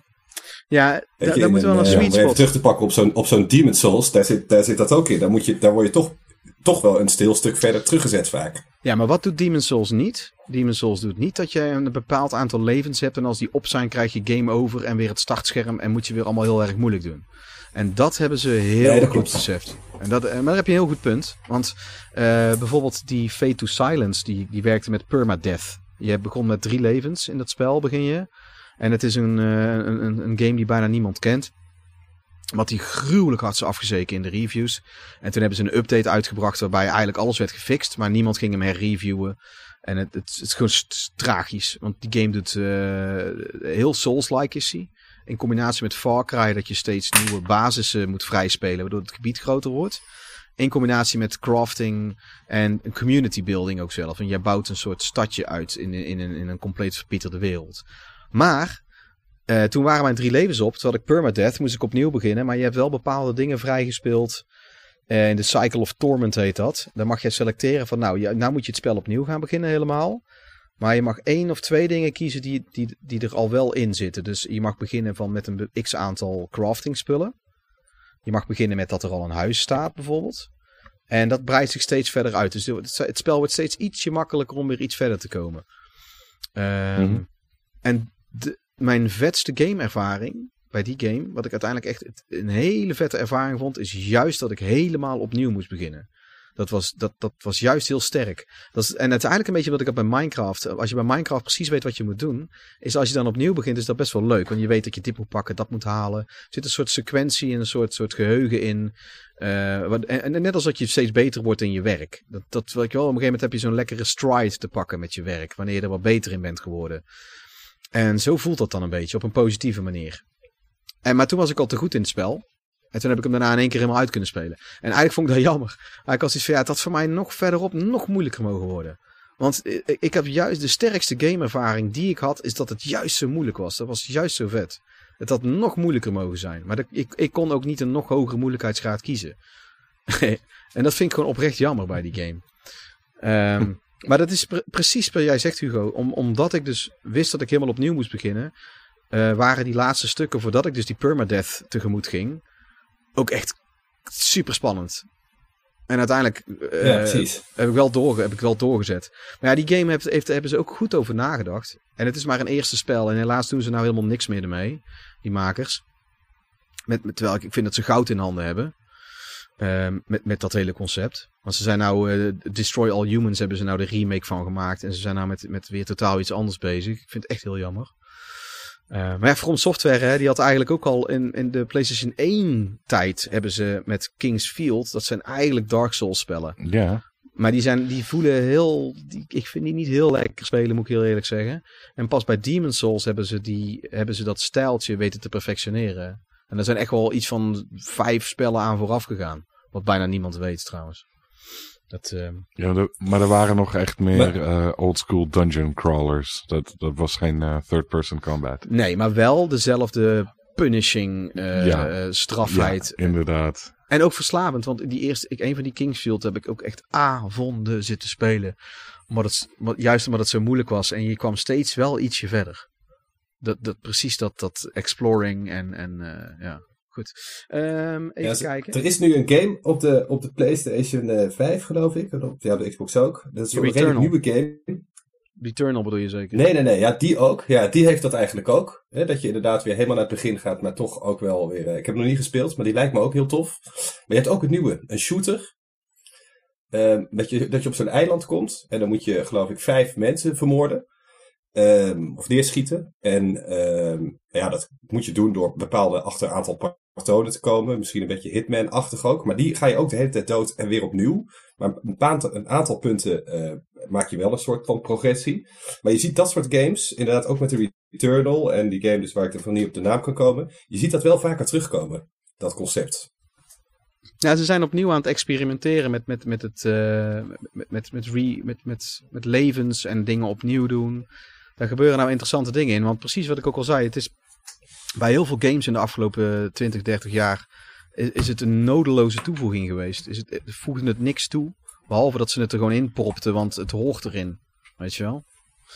Eh, ja, dat, is, ik weet niet welke game je nou trouwens bedoelt. Nou ben ik wel benieuwd naar hoe die heet. Ik zal dat nog wel even opzoeken voordat ik het... eh, dan zet ik het wel in het artikel eh, op de website bij de podcast. Even kijken. Nou, maar ehm, ja, wanneer is het juist goed als een game dus heel makkelijk is? Ja, dat is. Ik heb zelf namelijk ook afgelopen aantal jaren had ik ook niet zoveel zin in hele moeilijke games. Maar vooral als ik, als ik het verhaal goed wil kunnen volgen en gewoon niet wil dat er al te veel in de weg staat van het verhaal. ehm, dan kan ik het echt heel storend vinden als, het, als er onnodig moeilijke dingen in zitten. Want dat is dan dat clasht ook met de, de game-ervaring. Want het hoort niet bij de, bij de, wat naar mijn gevoel de core gameplay is. Is namelijk het verhaal volgen. Ehm, Precies. ja. Mhm. En daarbij had ik als voorbeeld ja, bepaalde point-and-click adventures. Die dan hele onlogische puzzels hebben of ehm, ehm, o- hun eigen wereld doorbreken. Dus dat ze, dan zetten ze allerlei regeltjes op en dan houden ze zich er niet aan in die puzzel of zo. Waardoor je eh, bijvoorbeeld een, een, zo'n vrij realistische point-and-click adventure kan ik me herinneren.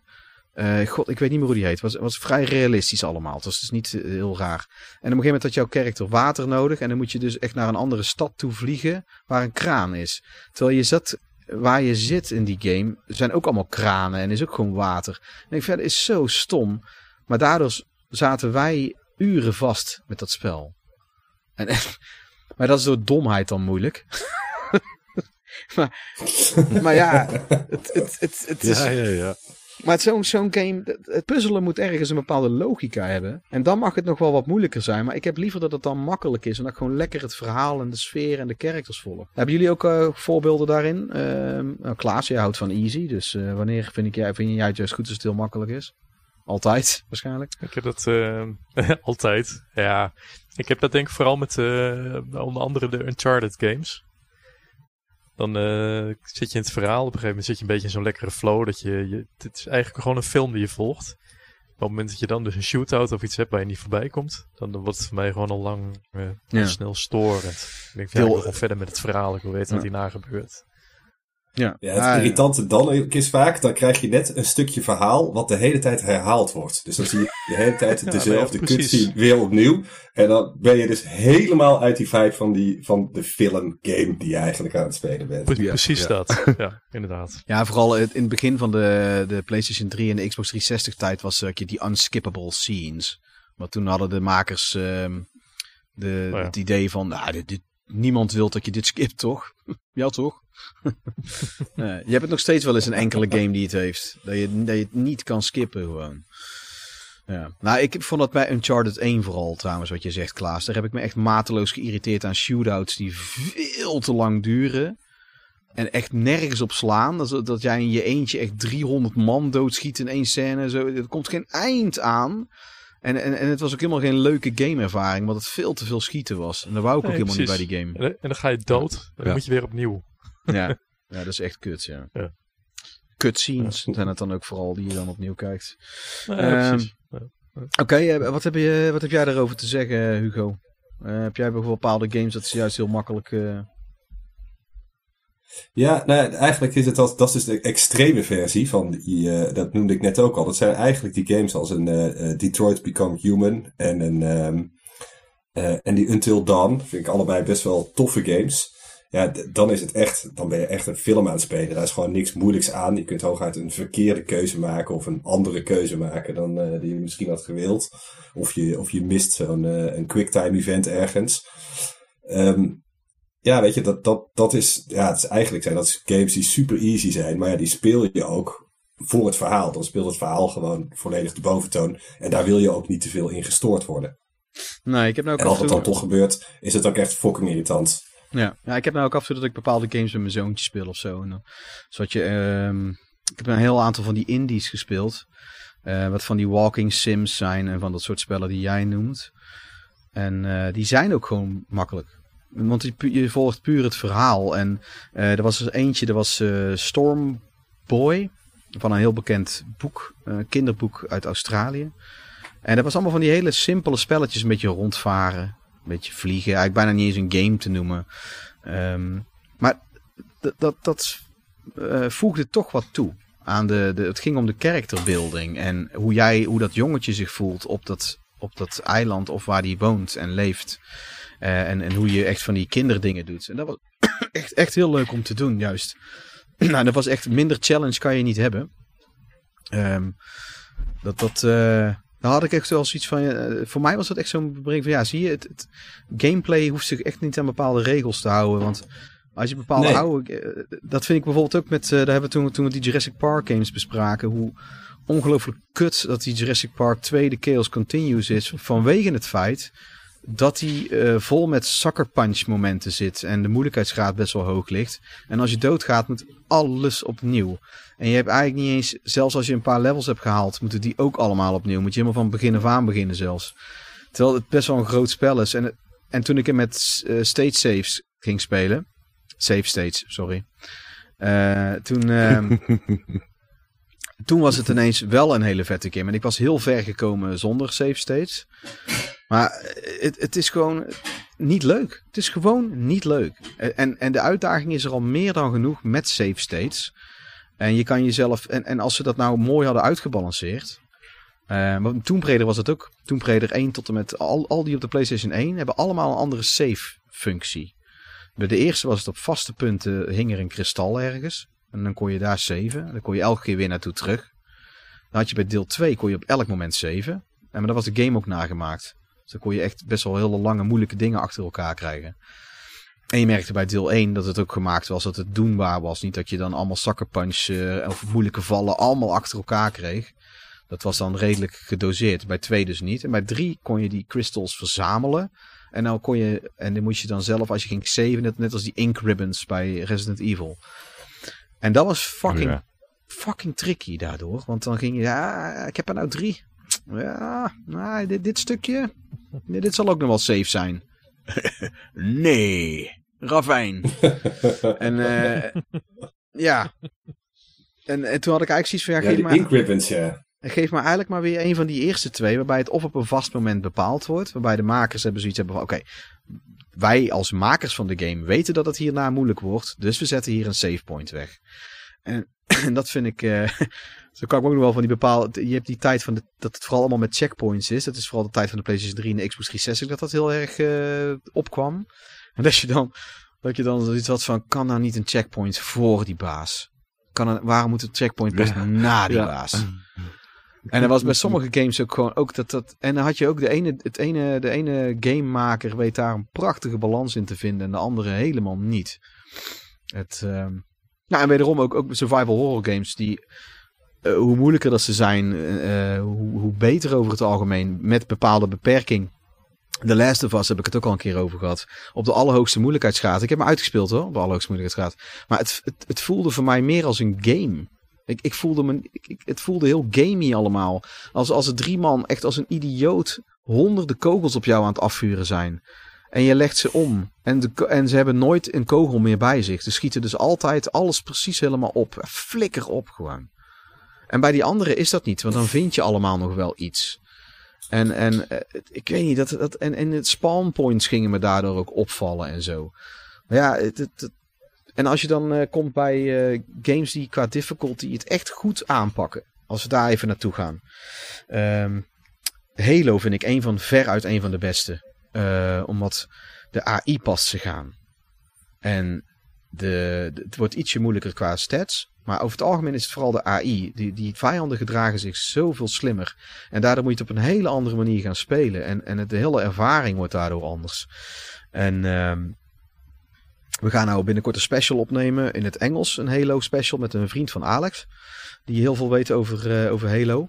En uh, daar ben ik ook heel benieuwd naar. Want daar gaan we het daar vast ook over hebben. Want je bent het wel met mij eens denk ik hè Alex? Ja, absoluut. Die, uh, die AI in, in, dat was in de eerste al... Uh, dat werd inderdaad, naarmate je de difficulty opschroefde, werd de AI gewoon slimmer. En het was niet zozeer dat er meer enemies waren of uh, dat jij minder health had of zo. Uh, en, en zoals jij zei, het, het veranderde echt hoe je moest spelen. Ja, en je merkt wel dat er over nagedacht is hoe je het dan kan spelen. Dus dat je, dat je dus niet in situaties ja. komt die ondoenbaar zijn. Het is goed geplaytest. Net als goede shoot-em-ups dat ook hebben. Hoe, hoe vakkundig dat die uitgedacht zijn, die goede smups. En... Um, maar ja, dan heb je dus een, een, game die dat dus niet heeft. Is dus Call of Duty Modern Warfare. Die mij werd aangeraden door iemand om die op de hoogste moeilijkheidsgraad te spelen. Want dat was zo'n sterke ervaring. En dat ik dus dekking zoek in een kerkje. En dat dus mijn, uh, mijn Rambo metgezellen daar vol in het pad gaan staan. Van uh, ik kan nooit, nooit geraakt worden door kogels en dekking zoeken, schmekking zoeken. En ik, en ik laat eventjes, steek even mijn kop zo naar buiten. en er belanden echt, en ik overdrijf niet, er landen zes handgranaten voor mijn neus. Dus alle, alle AI ging altijd alleen maar achter ja, mij ja, aan. Dus... En, en, en toen viel het me ook wederom hetzelfde. Spawn Dat is points gingen typisch Call of Duty eh, Ja. veteran mode. en, en, en spawn points gingen me ook heel erg opvallen. Van god, wat zitten er toch veel mensen in dat hutje. En eh, dat valt me pas op omdat ik stationair bleef, maar dat veel te moeilijk was om als een Rambo door te rennen. Daardoor viel me pas op dat er aan één stuk door eindeloos lang soldaatjes uit dat hutje kwamen gelopen. Alsof ze daar eh 500 meter diep in de grond eh, opgestapeld eh, lagen en met een liftje omhoog waren, een naar de ander. Weet je wel? Echt. En, dat is zo gamebreaking voor mij dan. Ik, ik hou echt van een moeilijke game, anders had ik hem niet op veteran mode aangezet, maar niet op deze manier. Ik vind dat dan echt kut gewoon. Goed. Ehm, zullen we eens naar onze... eh, oh ja, trouwens Silent Hill is ook Silent Hill 2 en 3. Die Ja. hebben aparte, moeilijkheids, aparte moeilijkheidsgraden ook voor de puzzels. Wil jij moeilijkere puzzels? Wil jij moeilijkere Ja. gameplay? En dat vind ik echt briljant. Bijna geen één spel doet dat verder. Ja. Hebben jullie nog... Ja, daar wil eh, ik het ook nog over hebben. ja, zeg het. Eh, dat het inderdaad, eh, dat was eigenlijk gewoon geniaal. Dat je de combat difficulty en de puzzle eh, difficulty aan kon passen. En die zijn goed. Die, die puzzels zijn echt goed. Je, je moet gewoon Shakespeare kennen en zo bij, bij Silent Hill 3 in die bibliotheek. eh wat je dan eh, bij de hoogste moeilijkheidsgraad. En bij de tweede zit het er mooi in balans. En bij de eerste is het van, jij hebt geen zin in puzzels. 1, 2 en 3. Weet je wel, zet het op volgorde. Dat is gewoon, eh, simpeler kunnen we het bijna niet maken. Maar het is wel een klein puzzeltje voor. Ja, je hebt ook mensen die zijn er gewoon super slecht in. Of hebben daar helemaal, hebben in dat gameplay element helemaal geen zin. Dat vind ik echt, echt briljant. Ja. Je hebt meer spellen die dat hebben. Die heb ik zelf niet bij elkaar weten te verzamelen nou. Want ik kan me herinneren dat ik een andere game had dat ook echt van. Wil je puur gaan voor het verhaal? Dan kan je de makkelijkste moeilijkheidsgraad kiezen. En wil je echt gaan voor pure challenge, dan kan je dat ook doen. Voor mij heeft Dishonored heeft dat dacht ik ook. Dan kan je dacht ik ook echt op super easy zetten als jij gewoon eigenlijk het verhaal wil volgen. Maar dat weet ik even niet zeker meer. Ehm, goed. Hebben jullie nog games, eh, voordat we naar de top 3 gaan, die buiten die top 3 vallen, waarbij difficulty heel goed is aangepakt, zoals de voorbeelden die ik net noemde? Hugo? Ja, ik, ik vind dat bijvoorbeeld bij de. Nou, bijvoorbeeld die Super Mario Galaxy games. Die vind ik ook echt leuk. Ehm, met name één heb ik ook wel echt hele goede herinneringen aan.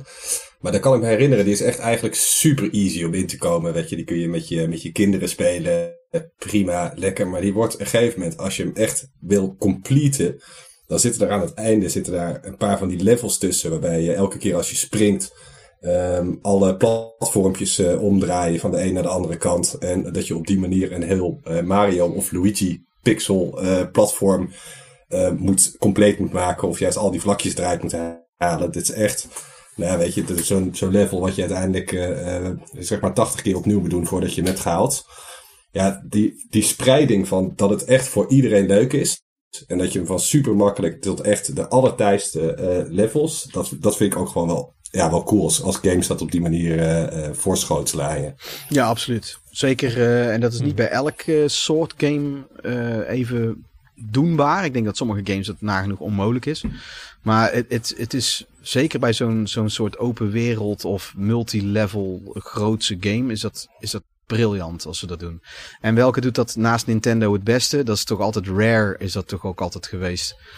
Ehm, dat, is eh, precies wat jij nou zegt. Ja. Heb jij nog, eh, heb jij daar nog bijvoorbeeld Klaas of eh, erover te melden, denk je? Ja, even kijken, wacht even. Nee? Oké, Alex? ja, ja, dat is... nou, race games toch? Er zijn, er zijn zat race, er zijn zat race games die wel... Zat race games die makkelijk beginnen en Ja, dan heel, heel klopt. mooi opgroeven. Op, mooi de moeilijkheidsgraad opschroeven. Vind ik. Klopt, net als eh, ehm, eh, ja, de, de game Ja. die ik aan het begin noemde, die ik eh, deze week heb gespeeld, eh Forza Horizon 5. Eh dan kun je eigenlijk eh, heel veel verschillende dingen instellen om het eh, ja, of makkelijker dan wel niet moeilijker voor jezelf te maken. En je wordt daarin beloond eh, doordat jij een percentage eh, meer aan, aan credits eh, krijgt als, jij, eh, als je het op moeilijkere settings speelt. Ja. Ja, zeker. Ik, wou, ik, ik zat ook te denken om... ik Ja. die ook ja. Ja. Ik denk dat er zijn heel veel games die dat goed doen. Dus om er nou eentje uit te pikken die dat eh Nee, ik, er zijn er, heel goed doet. er zijn er niet veel- Ik, niet echt. Ik vind er niet veel die het uitzonderlijk goed doen. Er zijn er veel die doen het goed genoeg. Maar ik, ik, vind, ik vind zelf juist vrij weinig games heel goed met een balans omgaan qua difficulty. Zonder dat het gelijk knijter moeilijk is, wat dan onderdeel van de game is. Wat trouwens ook prima is. Eh, Die Souls games hoeven voor mij niet te veranderen. Maar ik bedoel nou meer van games die daar echt een mooie keuze en, en balans in hebben, zeg maar. En dat vind ik, Ja, menig race game heeft dat. Mario Kart ook. Begint pap simpel en eh, eindigt, eh, nou je moet echt wel goed racen, zeg maar. Dat, eh, goed, oké. Ehm, Ja. Ik heb, ehm, laten we eens de top drie favoriete moeilijke games even van elkaar afgaan. En dan doen we nog eventjes de postkoets. En dan, eh, dan ronden we het mooi af. Ik denk dat we een redelijk algemeen beeld al hebben over hoe wij erover denken. En, eh, ehm, ja, ten eerste wou ik die rare games nog noemen. Zoals dus inderdaad zo'n Blast Corps. waarbij, ik eh, ja, langzaam mijn ziel zag... eh, maar maar het zag- jij mijn ziel zag breken toen ik helemaal niks kreeg toen ik alles had gehaald. Maar die, eh, het, mooie van, van die game was wel dat het alsmaar moeilijk... Het begon best wel te doen. En ook zo'n game van Rare waarbij dat zo perfect in balans zat. En, eh, en, wat Rare destijds ook altijd deed, was dat je eigenlijk twee of drie einden zat. Dus dat je het normale einde kon eigenlijk iedereen wel halen. Maar had je dan de geheime werelden en de extra dingen allemaal overal vrijgespeeld en gehaald. Dan kreeg je nog een extra eindbaas of een extra einde. Zoals bij Don- Donkey Kong Country dat ook was. Bij Donkey Kong Country, vanaf Donkey Kong Country 2 was dat vooral. En ik kan me zo ook nog herinneren dat jij heel lang bezig geweest bent met, eh, met Diddy Kong Racing. Positief en ja. negatief. Ja, ja, ja, dat was ook zo'n game waarvan ik dacht dat ik daar echt heel goed in was geworden. Ook echt eh, volledig uitspelen. En aan het einde had je, had je dan die, de time trials die je tegen Titi moest rijden. Titi, het klokje in een autootje. En, ehm, ja, die, en daar, moest je, daar moest je echt snel zijn. Nou, en daar heb ik echt, daar heb ik eindeloos lang elke keer weer van onmogelijk om daarvan te winnen. Tot ik echt helemaal knetterlijf van werd. En die Titi, die, die staat je dan ook aan te grijnzen. En die zegt waarschijnlijk dan ook weer wat irritants. Maar Maar, het ook echt een, helemaal eh, fik van. Een kutstem had hij ook. Die had zo'n presentatorstem Ja. met keivel reverb, eh, galm eroverheen. Oh, Dat was het, ja. Dat was het, ja. Precies, ja. Daar ben ik helemaal knetterlijf van. Uiteindelijk kwam ik erachter dat je, ehm, als je over een boost pijltje heen reed, dat je in die game dan dus eigenlijk het gas los moest laten. Want dan was, duurde je boost twee keer langer. Ja. Vanaf dat moment eh, had ik het in no time alles gehaald. Maar weet je, voordat je daar achter was, ehm, ja, ik echt eh, doodziek van. Ja, je, je hebt je daar helemaal aan groen en geel aan geërgerd. Op een gegeven moment hebben wij allemaal tekeningen gemaakt waarin we TT doodmaakten en zo. Kom, ja. ja. Zoals ook Ja. ja. een, een, een, een v- vrij discutabele eer die ook veel leraren hadden in onze schriften. Ehm, goed. ik heb eh, als top drie heb ik ehm, Ja. eh, als drie op ik heb een, ik heb Ja. een paar ik heb game series heb ik samengevoegd. Ik heb als drie heb ik Gargoyles Quest trilogie. Ehm, ik, die Ghouls and Ghosts die staan ook allemaal notoire bekend omdat ze heel moeilijk zijn. Maar ik vind die ik vind die eh, te sadistisch af en toe. Ze, daar doen ze het ook om. En ik vind het daarom ook niet zo heel erg leuk. Ik vind ze tof hoor. Ik vind het leuke games. Maar niet zo leuk als die Gargoyles Quest games. Die zijn ook pittig. Maar ik weet niet. Die zijn veel, veel verder. En ik vind die gameplay gewoon zo vet. Dat je dan eh, tijdelijk kan vliegen en zo. Dat is vrij origineel. Die sfeer is gaaf. En ik hou heel erg van die moeilijkheidsgraad van die. Ik zat ook, ook de Mega Man eh, te overwegen. Maar ik heb voor deze gekozen. Het is eigenlijk een beetje in het, in het verlengde van elkaar ligt het allemaal. Het is allemaal van Capcom. Eh, als twee heb ik ook een vrij aparte, vind ik zelf. Want ik kies morgen denk ik iets anders hoor. Heb ik de Mist Games. Ik heb die ehm, allemaal uitgespeeld eh, tot en met vier. Vijf niet. En ik heb dat uitgedaan toen ik op een gegeven moment... eh, volgens mij was ik een beetje overspannen en ziek en alles. En ik kan me herinneren dat ik twee weken thuis zat. En dat me, met mijn studie en alles... Ik, eh, ik voelde me niet goed. Ik, ik, ik had heel weinig fut. En ik, ik merkte dat ik echt moest bijkomen. Toen ben ik die mistspellen gaan spelen. En ehm, ik merkte dat ik daar echt steeds beter in werd. Net als bij LucasArts had ik dat ook. Dat ik op een gegeven moment begin steeds beter te snappen hoe hun denken. En ik merkte ook dat het klopte allemaal. Het, als je goed oplet eh, over al die puzzels. Want de, de onderdeel van mist is eigenlijk dat de puzzel niet wordt uitgelegd. Je moet zelf achterhalen wat de puzzel is soms zelfs. En, maar het is zo goed doordacht. En daar werden ze per deel eigenlijk beter in. En, deel 2 is die Riven. Die is ook echt beduidend pittiger lijkt het dan deel 1. Want dan is het soms niet eens duidelijk wat het... Maar uh, toen ging ik opletten op de omgeving en alles. En het is eigenlijk dus heel moeilijk, maar wel ook heel fair. En vooral bij deel, deel 3 heb ik volgens mij zelfs zonder walkthrough of wat dan ook helemaal uitgespeeld. Zit ook Brad Dourif zit er trouwens in. Het is keivet. Um, en ja, deel 4 ook, ook echt, echt, echt een heel mooi spel. Wat helaas allemaal niet is heruitgebracht. Ze brengen eindeloos lang en vaak brengen ze iedere keer deel 1 weer opnieuw uit. Terwijl 2, 3, 4 en 5 ook gewoon echt heel goed zijn. Die kan je alleen maar spelen op de PC nog steeds. Dat vind ik wel echt heel jammer, want die zijn zo goed. Die, en ze zijn dus echt heel pittig. Maar ook als je goed oplet, is het allemaal goed op te lossen. Het is nergens cheated of, of is het stom. Het is super slim, super slim gemaakte puzzels. En ik heb op deel 1, op, op nummer 1 heb ik uh, ja, de Souls games. Ik heb die maar alles omvattend gedaan. Gewoon Bloodborne en Sekiro en zo. Ik, ik denk dat Sekiro mijn favoriet gaat worden. Nou ja, samen met Bloodborne. Maar Bloodborne is op een gegeven moment, wat ik al zei, ook niet zo heel moeilijk meer. Sekiro blijft wat meer... Sekiro is meer op skill ook echt. Dat, um, je bent een vrij snelle samurai gast. En, en daar merkte ik echt dat, dat het vooral... Ik voelde me steeds meer beloond met dat ik heel skillvol werd in de gameplay. Die, die andere spelen allemaal wat logger. En, en er gaat meer om dat je weet wat je moet doen en hoe je het moet doen. In plaats van dat je echt um, skillvol bent. Snap je wat ik bedoel? Dat je echt... Um, met een fighting game ja. is het ook skill. Ja, ik snap wel wat je bedoelt. Ja, dus ik heb die drie. Uh, ja. ja. Die heb ik. ja. Dat is een mooie, mooie top 3. Ja, vind ik ze ook heel eclectisch. Ja, een mooi rijtje. Uh, welke heb jij, uh, Hugo? Laat ik bij jou eens even... Uh... Ja, ik, uh, ja, jij was... ik weet dat jij bezig bent, of in ieder geval bent begonnen om al die Castlevania games weer te spelen. En ja. ik, ik vind die Castlevania games echt, echt heel tof. Met name Symphony of the Night, die eigenlijk ook vrij makkelijk begint, maar uiteindelijk ook wel echt, als het kasteel helemaal omgedraaid is, ook nog wel behoorlijk pittig kan worden. En ik, daardoor had ik, heb ik ook gegeven moment de neiging gehad om weer eens helemaal vanaf de allereerste Castlevania ze allemaal eens te gaan spelen, maar dat, dat ja, wilde ik mezelf toch niet aandoen. Um, en heb ik eigenlijk als alternatief ben ik met die Bloodstained serie begonnen. En uh, oh. eigenlijk ook een beetje op jou aanraden. En die, uh, ja, die vind ik super vet. Daar ben ik nu eigenlijk net mee begonnen met uh, Bloodstained One, Curse of the Moon. En ik heb hem bijna uitgespeeld voor de eerste keer. En je weet dat die game uitnodigt om dat, om dat meerdere keren te doen. Ja. Maar dat vind ik echt een, ehm, ja, echt, echt een toffe, toffe game. Die, ik, ik, speel hem ook netjes op Veteran. Anders mocht ik niet meedoen met deze podcast, had je gezegd. um, dus...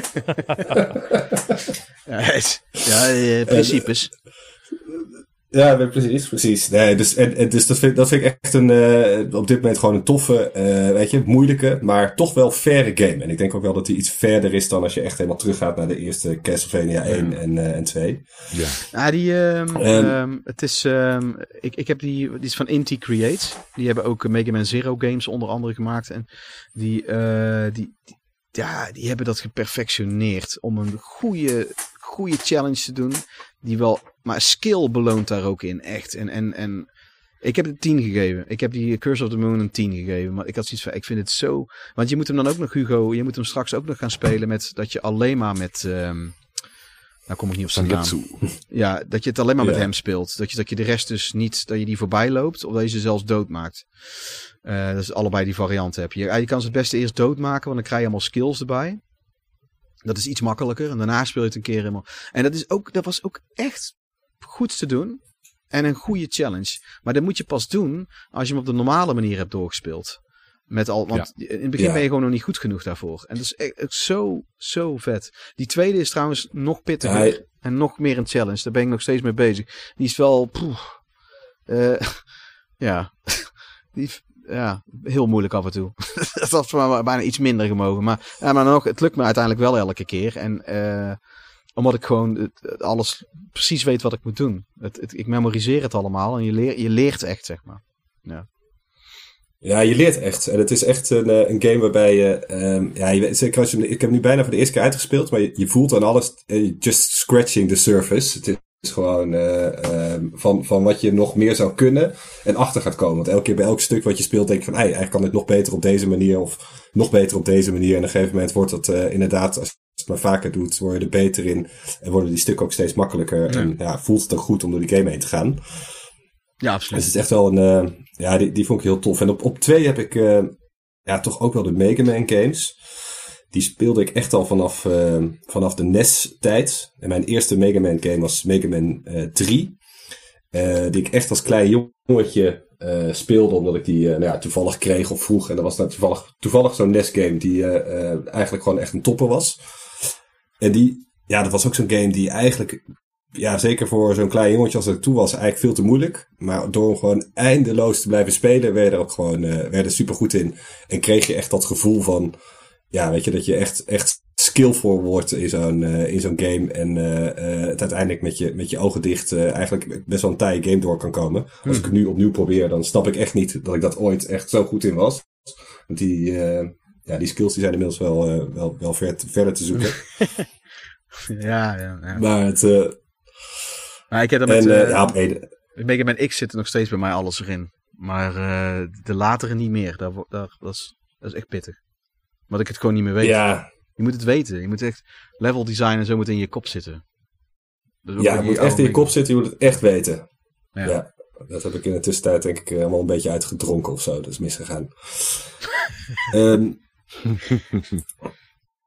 En uh, op één heb ik, uh, ja, heb ik eigenlijk ook, uh, ja, ik heb dan niet al die Souls games gespeeld, maar wij zijn Demon's Souls gewoon op één. Maar dat is inmiddels duidelijk waarom, denk ik. Ja, absoluut. Ja, nee, dat, ja. Oké, okay, even kijken. Dan wou ik Alex als laatste pakken. Dan even Klaas. Wat, wat heb jij als, heb jij nou een top drietje weten te maken? Nee. ik, ja, nee. ik, vind, ik vind moeilijke games niet leuk, nee. Maar jij, jij, jij, jij, hebt, nee, jij speelt wel, wel allerlei misschien... race-spellen. Die zijn toch ook challenging? Die zijn toch ook niet makkelijk? Ja, maar die vind ik niet moeilijk. Maar je knijter goed bent. Daar ben, daar, ben, daar ben ik heel goed in, ja. Ik heb wel uh, één uh, game moment. Uh, een game die ik heel goed vond. Alleen die ik eigenlijk ook te moeilijk vond. En daardoor ook weer niet goed. Ja, dat is een beetje... ik, uh, Virtua Tennis. Dat is de enige game die er voor mij bij, bij mij voor heeft gezorgd dat ik mijn Dreamcast controller, eigenlijk ook de enige controller die ik ooit heb gemold. ja, die brak gewoon in tweeën toen ik hem tegen de muur gooide. Omdat ik wow. iedere keer in een, een, een finale wedstrijd uh, tegen Carlos Moya, ik weet nog precies, die uh, nou, dat zet je gewoon een mooie een game op en ja, dat ging altijd goed. Alleen Carlos Moya wist dan altijd op een bepaald moment de meest bijzondere ballen van die winners langs de lijn te slaan. Ja, dat, dat heeft me toen een controle gekost. dus één momentje, ik denk van ja, als we nog moeilijke games hebben, dan, uh, dan moet ik die wel benoemen. En mooi. En die controles waren best wel stevig van de, van de Dreamcast. Ja, het zijn best uh, stevige jongens. Ze hebben goed gegooid. Ja. Goed gegooid, jongen. Ja. Ja, ja oké. Okay, ja, hij lag echt gewoon compleet uit elkaar, hè. De buitenkant, de printplaten binnenin, de, de knoppen lagen overal. Dus ja, vol trekken. ja. well was, het, uh, was het ook jouw ouders uh, daar ook nog een reactie op gegeven? Of hebben die dat niet meegekregen? Ik weet niet of ze hebben meegekregen. Nee, Hmm. dat was op zolder. Nou, ik, had, uh, ik, ik, was zelf ook al een uh, steeds feller mannetje aan het worden rond mijn zestiende. En ik, kan me, ik heb wel een Super NES controller gesloopt vanwege uh, Killer Instinct, denk ik. Um, en ja, ook Blast Corps en een paar andere N64 spellen hebben mij ook wel zover. Heb ik, ook, ik heb één controller ook wel redelijk, die sloeg ik altijd tegen de rand van mijn bed dan. Um, ja, precies. Ja, ja dat, is, dat ja. is ook niet, niet fraai. Ik kan niet zeggen dat ik daar met trots oh, ik ben trouwens, dat is... Uh, die moet ik ook nog even delen. Ik uh, ben een keer met zo'n groot broodmes achter mijn broer aangegaan. Oh, met, oh, oh, uh, volgens mij heb ik... volgens mij heb ik Duiter, Duiter 07 wel eens hier genoemd als game. Ja. Met zo'n helikoptertje Ja. die veranderen kon. Nou ja, best wel een moeilijke game. En op een gegeven moment was ik wel heel ver. En dan moet je, elk level eindigt dan dat je dan eh, moet neerdalen met de helikopter in een, eh, in een vulkaan. En onder in die vulkaan heb je dan de eindbaas. En ik had op een gegeven moment alle vijanden op het eiland verslagen. Eh, ik weet niet precies welk level, een van de latere levels. En toen wou ik naar de vulkaan vliegen. En toen vloog ik tegen een, eh, een, een vliegende mijn aan die eh, op en neer ging. Eigenlijk heel knullig. Ja, ik werd zo kwaad. En toen kwam mijn broer binnen. Die zei, ah, Klaas, die kan niet eens winnen van een klein computerchipje. Nou, toen, toen sloeg het bij mij echt de de stoppen door. Toen heb ik een brood misgepakt. Toen ben ik achter hem aangegaan. Maar dat, is, eh, dat, was, dat was vorig jaar? Of was dat... eh, je, je, ziet, je ziet het nog steeds, toch? Precies, ja. Ja, ja. Ja, ja, Maar goed. Ja, is nog steeds een fucker hoor. Ik, eh, ik mag hem wel, maar eh, Nou, het zit in de familie. Ja. Dat is denk ik eh, waar ik alles al waar ik over kan zeggen. Ehm, ik, ik heb zelf... Hey Klaas, ik dacht nog wel, als je het hebt over, eh, over race games, eh, zat ik ook te denken, ja. je hebt natuurlijk moeilijkheid van ehm, dat iets, dat het gewoon moeilijk is, dat het moeilijk is om te winnen, maar je kunt ook een moeilijkheidsgraad hebben dat het gewoon fysiek lastig is om eh, iets te halen, omdat het gewoon eh, bijvoorbeeld heel lang duurt. En toen bedacht ik me in één keer dat je ook in die, eh, in de Gran Turismo games heb je ook die, dat je de 24 uur van Le Mans in real time kan rijden. Dat je die, die dan ook daadwerkelijk 24 uur lang moet, moet racen. Dat niet per se heel moeilijk om te winnen. Maar wel knettertaai om, het, eh, om, om die af te ronden. Als je tenminste niet je Playstation eh, dagenlang achter elkaar wil laten draaien op pauze. Ja, ik, ik, voor, voor wie is Ja, dat ook bedoeld? Dat vraag ik me dan ook echt af. Maar Ja, ja. Het is natuurlijk wel... ehm, ik heb trouwens die game, eh, je hebt eh, Le Mans 24 uur, eh, heb je ook op Dreamcast, hè? die heb ik er wel op gespeeld. Maar dan kon je ook de, de race wat inkorten. Maar Ja. dan was je inderdaad alsnog eh vier uur achter elkaar dan rondjes aan het rijden. Ja. ja. Ik kan, ik kan me herinneren dat ik 24 dat wel gedaan heb. Ja, ik, ik, heb volgens mij Le Mans gedaan, op, op, eh, op, op Gran Turismo, die kon je ook inderdaad korter zetten. Maar dat was dan inderdaad vier uur. En dat kan me herinneren dat ik dat nog wel eens gedaan heb. Maar ja, dat sloeg eigenlijk ook helemaal Ja, nergens op. Ja, ik heb, eh, ik, ik, ik, ik, mijn, mijn, eh, ik, ik was best wel Gran Turismo fan ook. Eh, niet zo groot als jij, Hugo, dat weet ik nog wel. Maar ik, heb, eh, ik kan me wel herinneren dat, ehm, dat ik regelmatig dingen aan het doen was wat voelde als werk, zeg maar. Dat, ik, ehm, maar ik heb wel zoiets van, als ik eenmaal mijn tanden erin heb gezet en ik wil iets halen, dan voelt het als ik stop. Dan zeg ik, ja, stop je toch gewoon, dat is niet leuk meer vinden. Ja, maar dan voelt het als verliezen, dat is nog erger. Dus ik, ik speel nou eigenlijk door, Ja. terwijl ik er geen Ja. zin meer in heb, om het maar af te ronden. Want het alternatief is het, het, het, het, op, het gevoel van opgeven. Dat, is, dat vind ik zelf nog erger. Dat is, en dat is, dat is, zo'n soort cognitieve dissonantie of zo. Waar je jezelf helemaal in wringt. Eh, ja. Maar dat is vast herkenbaar. Dat is bij Ja. race-spellen heb ik dat ook mee een keer gehad. En, en Gran Turismo, toen ik die, was dat vijf? Toen die eindelijk uitkwam op de PlayStation 3. Dat, ik, dat je toen, eh, oh die Top Gear racetrack. Oh die wil ik graag unlocken. Oh, moet ik met een Volkswagen hippiebus moet ik eh, op eh, positie racen. Zo frustrerend. binnen, drie, binnen drie rondes vooraan zien te komen. En dat is gewoon niks aan die ervaring was leuk. Niks. Dat is gewoon helemaal niet leuk om Nee, te doen. nee, dat herken ik inderdaad. Maar dat is precies wat jij zegt met eh, Forza of eh, Gran Turismo. Dat ze in Forza weten wat leuk is. In Gran Turismo heb je dan van die verplichte nummertjes. Terwijl je eigenlijk gewoon met een dikke bak meteen op die, eh, op die Top Gear testtrack los wil gaan. Ja, of, of, of een een leukere challenge. T1. Waar, waar slaat die challenge Ja. op? Wie, wie heeft dat in godsnaam bedacht? Dus ook, en, en wie heeft Ja, dat geplaytest en zei dat het wel goed was? Wie, wie is niet comatoos gera- geraakt van dat uitproberen? Het is gewoon zo ontzettend kut. En, en ik, ik, waarom is dit gekozen? Ik Gewoon, niet- en, en dat is typisch dat Gran Turismo. Dat is ook gewoon zes jaar over die development doen. En dan, en dan vervolgens niks af hebben. Omdat ze veel te perfectionistisch zijn geweest met elk autootje. Zonder enig professioneel eh, overzicht te hebben over budget. En hoe lang dingen duren. En prioriteit. Verder, verder, verder is het op zich best wel een goede, spe- goede game. Er zitten heel veel dingen goed aan. Maar ongelooflijk. Maar daar hebben we het wel een andere keer over. Ik heb, eh, eh, ik heb zelf Ja, nog een, to- een, eh, top 3 met mijn, wat ik mijn zelf mijn knapste prestaties vind van moeilijke game momenten. Ehm, Pe- Ja, wat wil je nog zeggen? Oh, sorry Alex. Ma- Sorry. ik- Ja, ja, jij dat. Ja, Ja, sorry ik Alex. heb ook nog een top 3 ja, la- van, van fire favoriete away. moeilijke fire, games gemaakt. Fire away, ja. Ehm, niet zozeer eh, in volgorde. Ehm, ik, ik zal het kort houden, want ik denk dat de meeste mensen deze games ook wel zullen kennen. Ehm, dat zijn voor mij. het is eigenlijk stiekem een, een, een top, top 3,5, top 4. Ja, dat geeft want ik vind namelijk rhythm games, ja, die, die kun je wat mij betreft allemaal op één hoop gooien. Maar eh, als je die op de moeilijkste moeilijkheidsgraad speelt, dan, eh, dan vind ik die altijd wel, eh, dan vind ik het altijd wel leuk om te doen. Dan, dan zit er wel een, een zekere challenge achter. En bij de ene rhythm game is dat wat meer dan de andere. Maar ehm, als je eenmaal die, die difficulty gewend bent, dan wil je ook nooit meer teruggaan naar een, een makkelijkere difficulty. Want dan is gewoon niet meer leuk.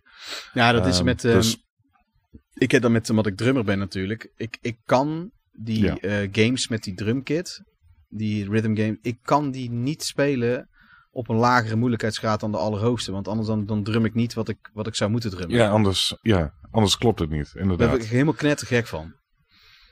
Goed, dat, dat is eh, een, een, een beetje een, een genre dat, eh, dat buiten mijn top drie favoriete games. eh, Ja, dat is een goeie. Ik heb er niet eens aan gedacht. ehm, ja, zoals ik eerder al zei, eh, Doom op eh, Ultra Violence. Dat is echt gewoon eh, een ervaring apart. Op, Nightmare vind ik het een beetje te moeilijk, want daar heb je respawn en enemies en dat is gewoon niet leuk meer. Maar bij Ultra Violence heb je echt die, die perfecte mix van oké, het is af en toe wel sadistisch moeilijk, maar het is ook niet onoverkombaar. Je, je, met met eh, ehm, voorzichtige pacing en, en slimme ammo eh, dispensatie eh, kun jij die, die, die levels eh, halen. Ja, en, en veel doorzettingsvermogen natuurlijk. Dan had ik ook nog eh Spelunky, een game die ik overigens nooit uit heb kunnen spelen, maar die, waar ik wel ontzettend veel uren in heb zitten. En die ik nog steeds heel graag uit zou willen spelen. Maar ja, die, die game die kickt jou ass gewoon. Maar ik blijf, ik blijf terugkomen, want eh, de gameplay op zichzelf is gewoon zo leuk. En je wilt gewoon steeds verder komen. Ja, ik heb, eh, Ehm. ik, ik heb die, ben ik eh, gestart toen ik eh, extreem ziek was. Zo ziek ben ik nog nooit in mijn leven geweest. En dat had ik beter niet kunnen doen. ik had toen gewoon zo'n game moeten spelen met een beetje lopen en verhaal. Want dat, dat, dat, dat, dat was echt verschrikkelijk. Dat is, dat echt... dat- Je bent er nog zieker van. ik had toen een Pfeiffer in combinatie met een soort bacterie-infectie. En ehm, dat, is, dat is super nasty. En eh, dat, bak- dat, het, eh, die waren ook aan het winnen. eh, totdat ik een, een of andere brute antibiotica kreeg. maar Mm. in die halve limbo was- heb ik dus dat spel zitten spelen. Want dan kreeg ik van die hoge cijfers toen. Het was echt verschrikkelijk. Echt, echt verschrikkelijk was die ervaring gewoon. Terwijl ik nou ook erover terugdenk. Nou ja, erover begint van ja, ik denk dat ik hem nu wel heel vet zal vinden. Nou, ik ehm, ook, ook een beetje oké zit in mijn vel, letterlijk. Pas Ja, ja, sterven naar dood ligt thuis. Ja. Goed. Ja, een hele goede keuze. En dan had ik eh, voor mijn nummer 1 een, een game die ik ook al vaker heb genoemd. eh, Celeste. Ja. Een platforming game eh, met eh, basic abilities. Je kan springen, je kan aan muren klingen. eh, en je kan dashen. En eh, de levels eh, zijn als het ware gewoon... eh, voor ieder scherm is eigenlijk gewoon een soort van puzzel... die jij eh, op, op meerdere manieren kunt eh, doorlopen. Ehm, Ja, de prachtig ene goed, eh, wat moeilijker dan de andere. Ja. Maar echt, ja. Ondanks dat, dat hij zo moeilijk is, blijft het echt een, een van mijn favoriete, favoriete games. Ja, ik vind hem ook heel vet. Ik heb hem op jouw aanraden ben ik hem gaan spelen. En ik ben nog niet heel ver, maar ik vind dat soort spellen heel leuk spelen. Ik hou er echt van. Ja, daarom had ik, ehm, had ik ook die Gargoyles Quest en zo. Dat zijn goed uitgebalanceerde platformers. Ja, Het blijft iets En magisch hebben als het ook echt zo'n- goed eh, design heeft. ja, dit is ook zo'n voorbeeld van zo'n game waarbij eh, als je doodgaat, eh dat je eigenlijk vrijwel meteen weer respawnt. eh, meteen weer opnieuw eh, het scherm kan proberen te, te clearen. Ja, klopt ja. Ja, ja ik heb hem... eh, eh, nou, en, en skill. Eh, eh, het loont ook echt dat je, als je Ja. skillful bent, zeg maar. Wat trouwens die Castlevania games ook vrijwel allemaal doen, by the way. Ook de, de oude delen. Ehm, even kijken. Ik heb nou laatst trouwens Castlevania 3 uitgespeeld. Dat was trouwens wel pittig, moet ik zeggen. Hoor. Ik ben nou nog een keer bezig ermee.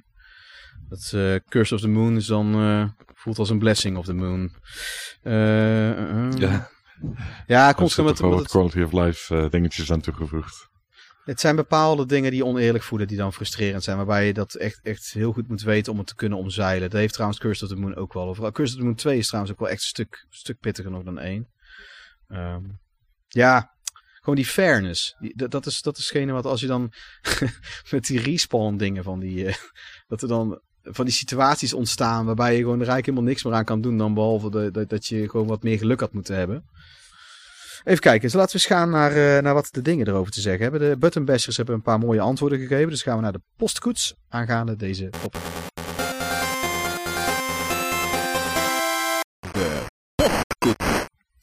Nou, hebben we eerst van The Dark Wanderer. Die heeft het volgende erover te zeggen. Want ik heb gewoon gevraagd van... ehm, eh, hoe, hoe denken jullie over moeilijke games en moeilijkheid in games? Gewoon heel broad strokes, weet je wel. Laat maar gewoon weten hoe je daarover denkt. Ik vind een uitdaging wel leuk. Maar vind games die echt moeilijk zijn al snel wat demotiverend. Dus grinden voor betere gear is prima. Maar onmogelijke combo's bashen om ook maar een beetje kans te maken op succes gaat me te ver. Vrij algemeen antwoord. Mhm. Eh, dan hebben we Old School. Die had vorige keer ook eh, met die Shmups ook hele vette titels gedropt. Eh, ik speel iets meestal op normal of zelfs easy. Zeker in oudere games voegt hard alleen maar meer vijanden toe.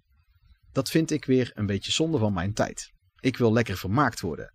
Zoals, en dan bedoelt hij dus degene hiervoor, Dark Wanderer, al zegt... Een beetje uitdaging is prima, maar als ik vast kom te zitten haak ik al snel af. Ja, kan ik me voorstellen. Dat lijkt ik wel. Ja. Ja, dan hebben we Flozem. Ja. Flozem, die heeft niet, niet eerder gereageerd. Die, trans, die doet wel iets met Transformers, want dat is een profielfoto. Dus sowieso hè, scoort hij daarmee punten, bij mij in ieder geval. En bij Klaas. Mhm. Retro games gaan bij mij heel snel op easy, tenzij ik daarbij niet, eh, tenzij ik daarbij niet de hele game ervaring krijg. Ik houd wel van een uitdaging, maar ik ben niet bepaald masochistisch aangelegd. Vooral de eerste games, nee, de eerste games, ik denk dat hij bedoelt hele oude games, neigen toch naar muntjes slikkende arcadekast moeilijk. Ja, dat is ook zoiets maar van die shoot 'em ups. Als je die speelt met constant maar continuous door blijven doordrukken. Ze zijn echt wel bedoeld. sommige zijn echt extreem moeilijk, zijn te moeilijk. Maar er zijn er ook heel veel. Als je maar gewoon beter en beter wordt, dan is het een veel betere. Je kan beter af en toe opnieuw beginnen. Dan de hele tijd maar door blijven klikken met die continuous. Want dat is ook zo'n hele rare eh, gameervaring. Ehm, dat, dat vind ik althans. Ja. Even kijken. Nee, maar dat is ook zo. Anders heb je geen tijd om eh, power-ups te verzamelen bijvoorbeeld. Ja, maar het is ook het, eh, je merkt ook beter je progressie dat je beter wordt, dat je dan steeds ietsje verder komt. Zo heb ik die Darius, die G Darius uitgespeeld. Zo heb ik Gradius uitgespeeld. Eh, ik heb meerdere Gradius delen uitgespeeld. Door, door op een gegeven moment ga je game over in level 3 ergens. Meestal is dat ongeveer rond die koers bij de meeste van dat soort spellen. En, en dan begin je opnieuw, maar dan merk je dat 1 en 2 steeds makkelijker worden. En op een gegeven moment kom je ook voorbij 3 en dan steeds kom je ietsje verder. Dat is eigenlijk meer de, de manier waarop het gemaakt is. In plaats van maar er doorheen te drukken. Want eigenlijk ga je dan verder terwijl je nog te slecht bent. Het is, het is bijna hetzelfde als dat je ehm, met, met, met, met, vechtsport tegen de, iemand moet. Dat jij zelf witte band hebt en je gaat tegen iemand met zwarte band. En maar iedere keer ga je het wel constant opnieuw proberen. Ook al slaat het natuurlijk letterlijk helemaal nergens op. Dan Ja. leg je gewoon iedere keer in een Ja. klem en je hebt verloren. Dat is eigenlijk een beetje wat zo'n shmup ook doet. Ik heb er nou laatst eentje met mijn vrouw even gespeeld. Eh, gewoon voor de lol, eventjes. En op een gegeven moment was ik ook blij dat we per ongeluk door die continues heen drukten naar de nul toe. En dat we het beginscherm kregen. Want we waren, het, we waren bij zo'n level aangekomen. Daar waren we nog helemaal niet goed genoeg voor. De, want je had zo'n shield move. Dat is gigawing was het. Ja, dat, dat, die is eigenlijk al vanaf level 1 redelijk moeilijk. Maar we waren gewoon belangen daar niet goed genoeg om dat level door te spelen. Dus als constant waren we game over en continues aan het drukken eigenlijk. En Dat is, breekt heel die gameervaring op. Zo is het ook niet bedoeld. Goed. Ja, dat is, dat is ook precies waarom zo'n Returnal eigenlijk op is gezet zoals hij is opgezet. Om, omdat je het zo moet spelen. Je moet gewoon opnieuw. Dan Ja. blijft het ook leuk en, eh, en, en werkt het.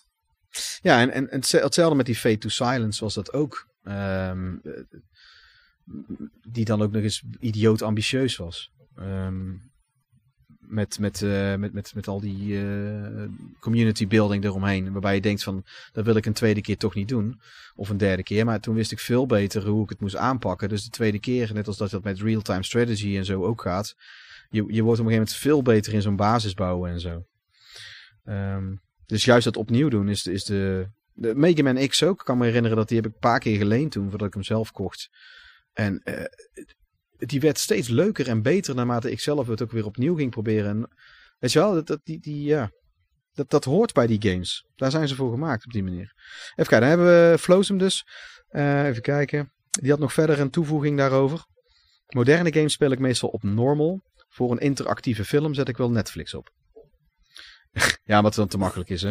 Ehm, daar heeft hij nog verder over te zeggen. Wat tegenwoordig wel vaak voorkomt, is dat de game goed te doen is. En dat de eindbaas 200 keer moeilijker, zo niet onmogelijk om te verslaan is. Ja, difficulty spikes, daar kan ik mezelf trouwens ook wel echt aan irriteren.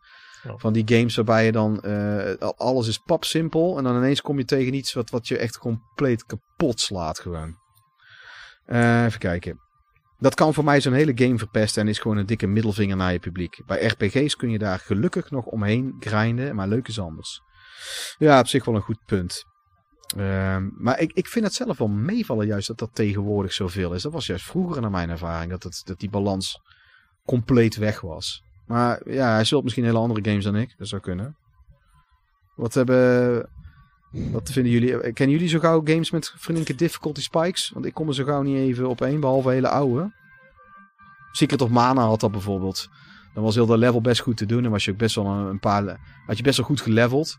dan kreeg je zo'n bos die zo'n magic boulder op je kop gooit en je ligt allemaal dood. dat is zo lekker. Ja. Ja. Maar difficulty spikes zitten vooral in die eh, in Japanse games kunnen die is mijn ervaring dat ze er wat meer erin kunnen zitten.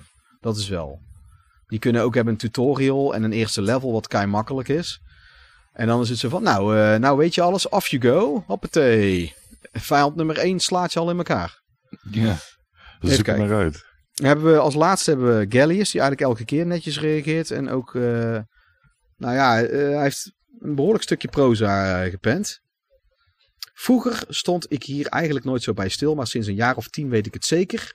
Ik hou van uitdaging in mijn games. En dat komt allemaal door dat, tromgeroffel, wat zou die gaan noemen? Ninja Gaiden op de Xbox onverwachts een van mijn favoriete gameervaringen ooit opleveren. En dat is inderdaad, Ah, ja. dat is er ook zo eentje. Die, die, die beloont challenge een partij goed. Op een gegeven moment ben je echt gewoon een fucking, je voelt je gewoon een murder machine. Als je eenmaal gewoon precies die controls en alles door hebt. Met Hayabusa. Dat is echt. Even kijken. Mm, mm, mm. Toen ik deze eind. Oh, in 2011 speelde hij pas voor het eerst. Ik had toen eigenlijk helemaal geen interesse in moderne tussen aanhalingstekens games. Ik leende de Xbox van mijn zwager en had Ninja Gaiden puur en alleen opgepikt uit de used games bin bij de Game Mania om de klassieke 8-bit Ninja Gaiden trilogie te unlocken die daarin als bonusgames verstopt zaten. Zodat ik lekker kon spelen. Hoe moeilijk kon het nou zijn om die te unlocken?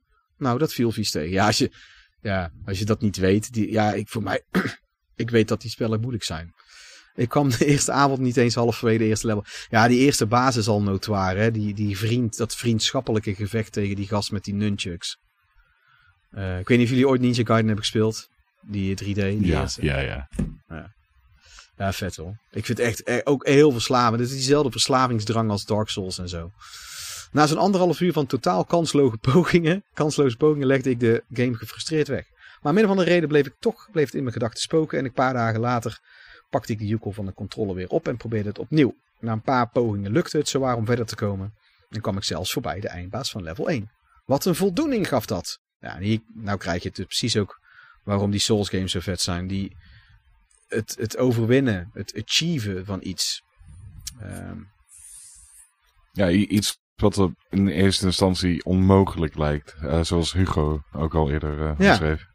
Aangemoedigd door deze overwinning ploeterde ik moeizaam mijn weg verder door de game met de gedachte: ik zie wel hoe ik verder kom. Hoe ver ik kom. Ik vond het geweldig toen ik de eerste verborgen bonusgame vond. Dat gaf nog veel meer motivatie om door te gaan. Ik wist helemaal niet dat die games erin zaten. Ik heb hem eigenlijk pas op de, de Sigma gespeeld op de PlayStation 3. Die had ik Oh ja. nodig ook, want ik liep regelmatig vast tegen de muren van moeilijke vijanden eindbazen, maar ik overwon ze stuk voor stuk en zo bleef ik doorgaan met het doel om alle drie de classics te unlocken. Toen ik eenmaal alle drie met bloed, zweet en tranen had vrijgespeeld, kon ik toch de main game niet wegleggen voordat ik hem helemaal had uitgespeeld. En toen het eenmaal zover was gekomen, ehm oh, het is al laat. dan ga ik altijd slecht. Ik was nu zo ver gekomen, dan ga ik ook door tot het bittere eind. Eh, even kijken. Nou, dan gaat hij beginnen over dat hij de 8-bit ehm, Classic Ninja Guidance allemaal is gaan spelen. Die bleken overigens tot mijn lichte teleurstelling de SNES Ninja Gaiden Trilogy versies te zijn. Met de verkrachte soundtrack. Ja, dat klopt. Ja. Die is, een rare eh, versie is dat. En nadat ik ze even kort had gespeeld, merkte ik dat ik eigenlijk veel meer zin had om uit te kijken naar Ninja Gaiden Black op de Xbox. En een soort Game of the Year Edition waar alle DLC in verwerkt zat. Dus toen heb ik die game opgepikt en uitgespeeld. Waarna ik besloot terug te keren naar Ninja Gaiden om het eens uit te proberen op hard difficulty. Want nu had ik de smaak pas echt goed te pakken. Daarna heb ik ook nog Ninja Gaiden Black nog een keer op hard uitgespeeld, zodat ik uiteindelijk op vier aan één gesloten playthroughs zat. Iets dat ik maar zelden doe met games. Ja, en nu begint hij over ehm, eh, dat hij meerdere games is gaan spelen. Ik heb ook een hele column gelezen van iemand bij, ehm, god, een best zo'n grote gamesite, die ook eh één bepaalde moeilijke game had uitgespeeld. En dan ging hij, daardoor kreeg hij echt een soort verslavingsdrang om alleen maar moeilijke, omdat hij die challenge rush opnieuw wilt hebben. Nou is hij God Hand gaan spelen en Dark Souls, Gallius. Oh, ja. Ehm, ja, want hij gaat nog drie alinea's door. Hij noemt nog een top 3 op. Eh, ja, ik vind het heel tof hij het heeft gedaan, maar het is, net iets te veel. Ehm wat hij zegt van ehm, dat alle moeilijke games moeilijk moeten zijn, heeft hij dan ook weer niet.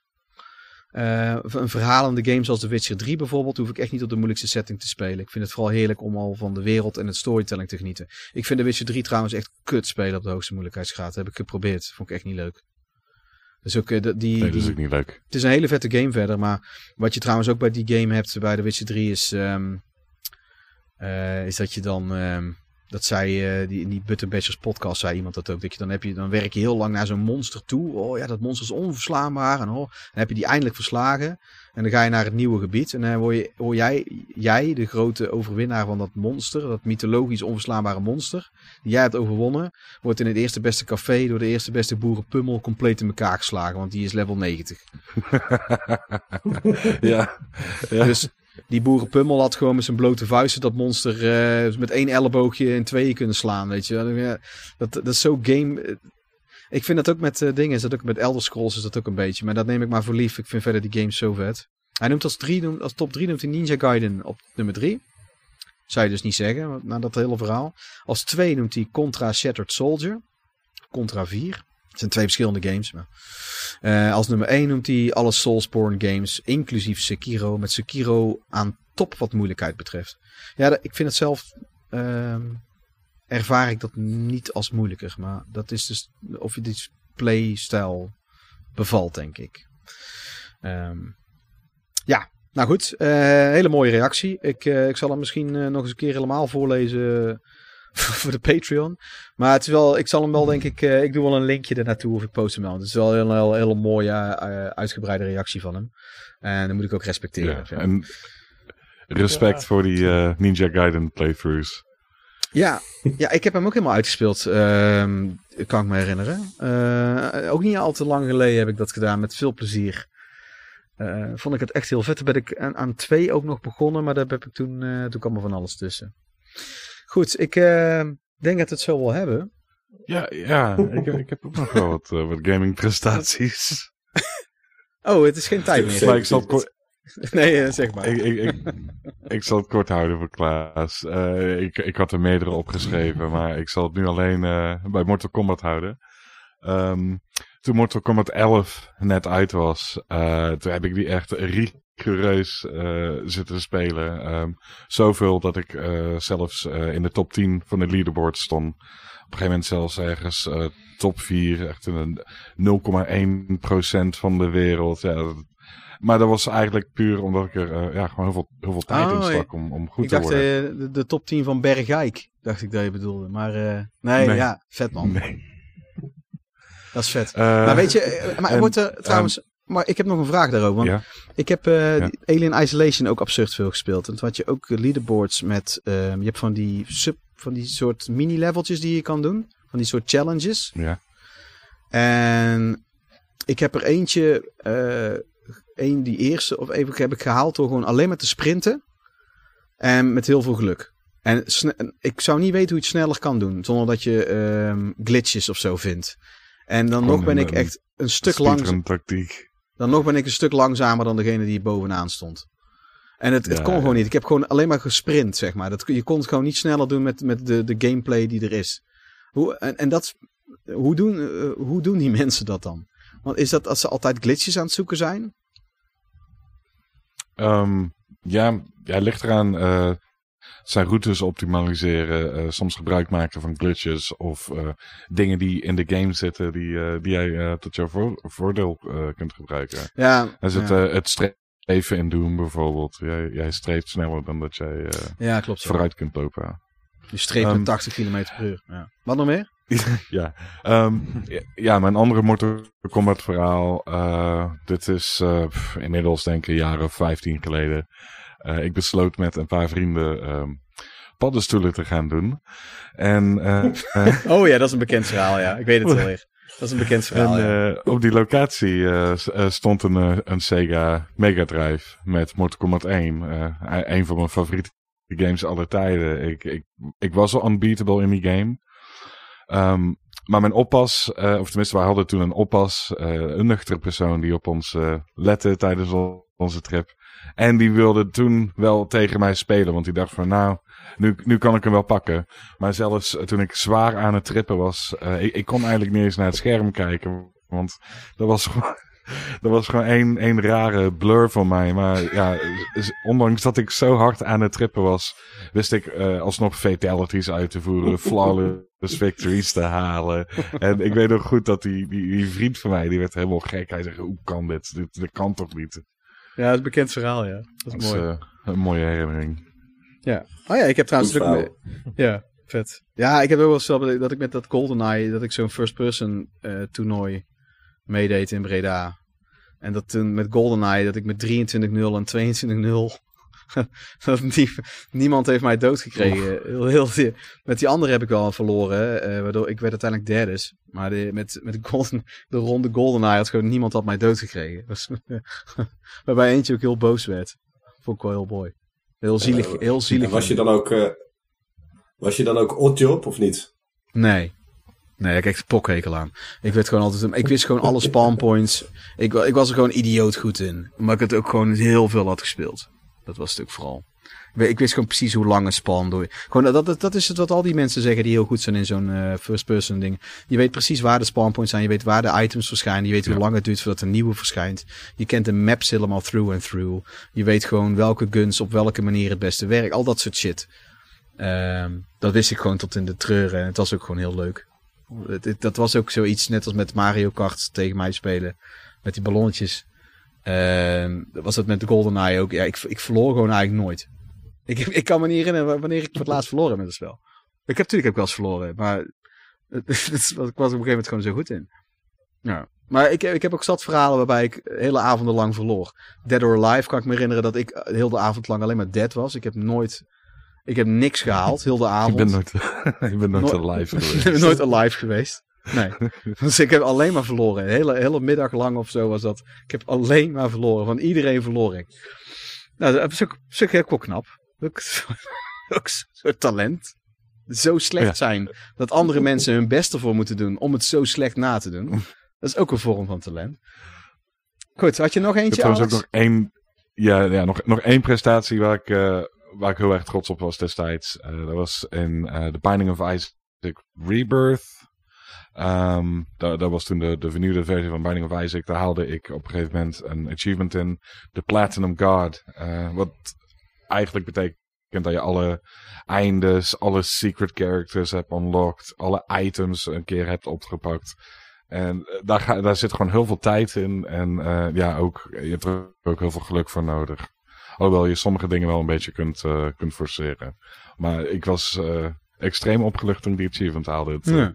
hard, hard voor gewerkt. Nou, ik doe zelf ook alleen maar dat soort Ja, achievements knap. en trophies halen wanneer ik die game echt heel graag speel. Zoals met Dead Space. Ja, ik, ik ga dat niet doen als ik het niet zo leuk vind. Ik ken ook mensen die al die achievements halen en, en alles doen, terwijl ze de game eigenlijk niet tof vinden.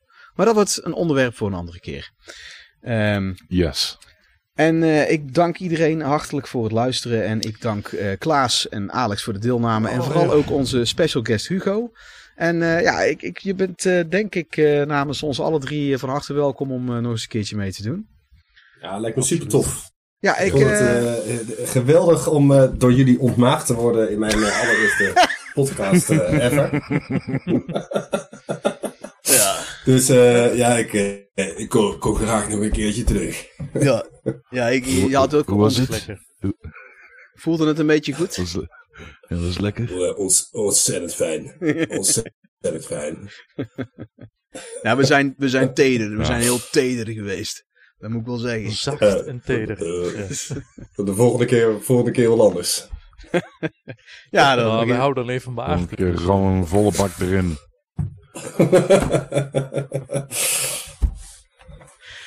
Ja, We vinden het steeds goed. fel. Nou, eh, mensen, Ja. tot de, volgende, vaseline. tot de volgende keer. Dag. Tot de volgende keer. Bye bye.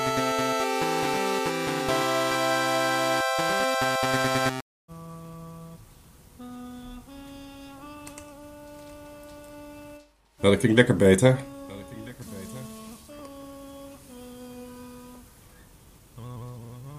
Dit zijn jouw stemoefeningen, of niet? Yo, what's up?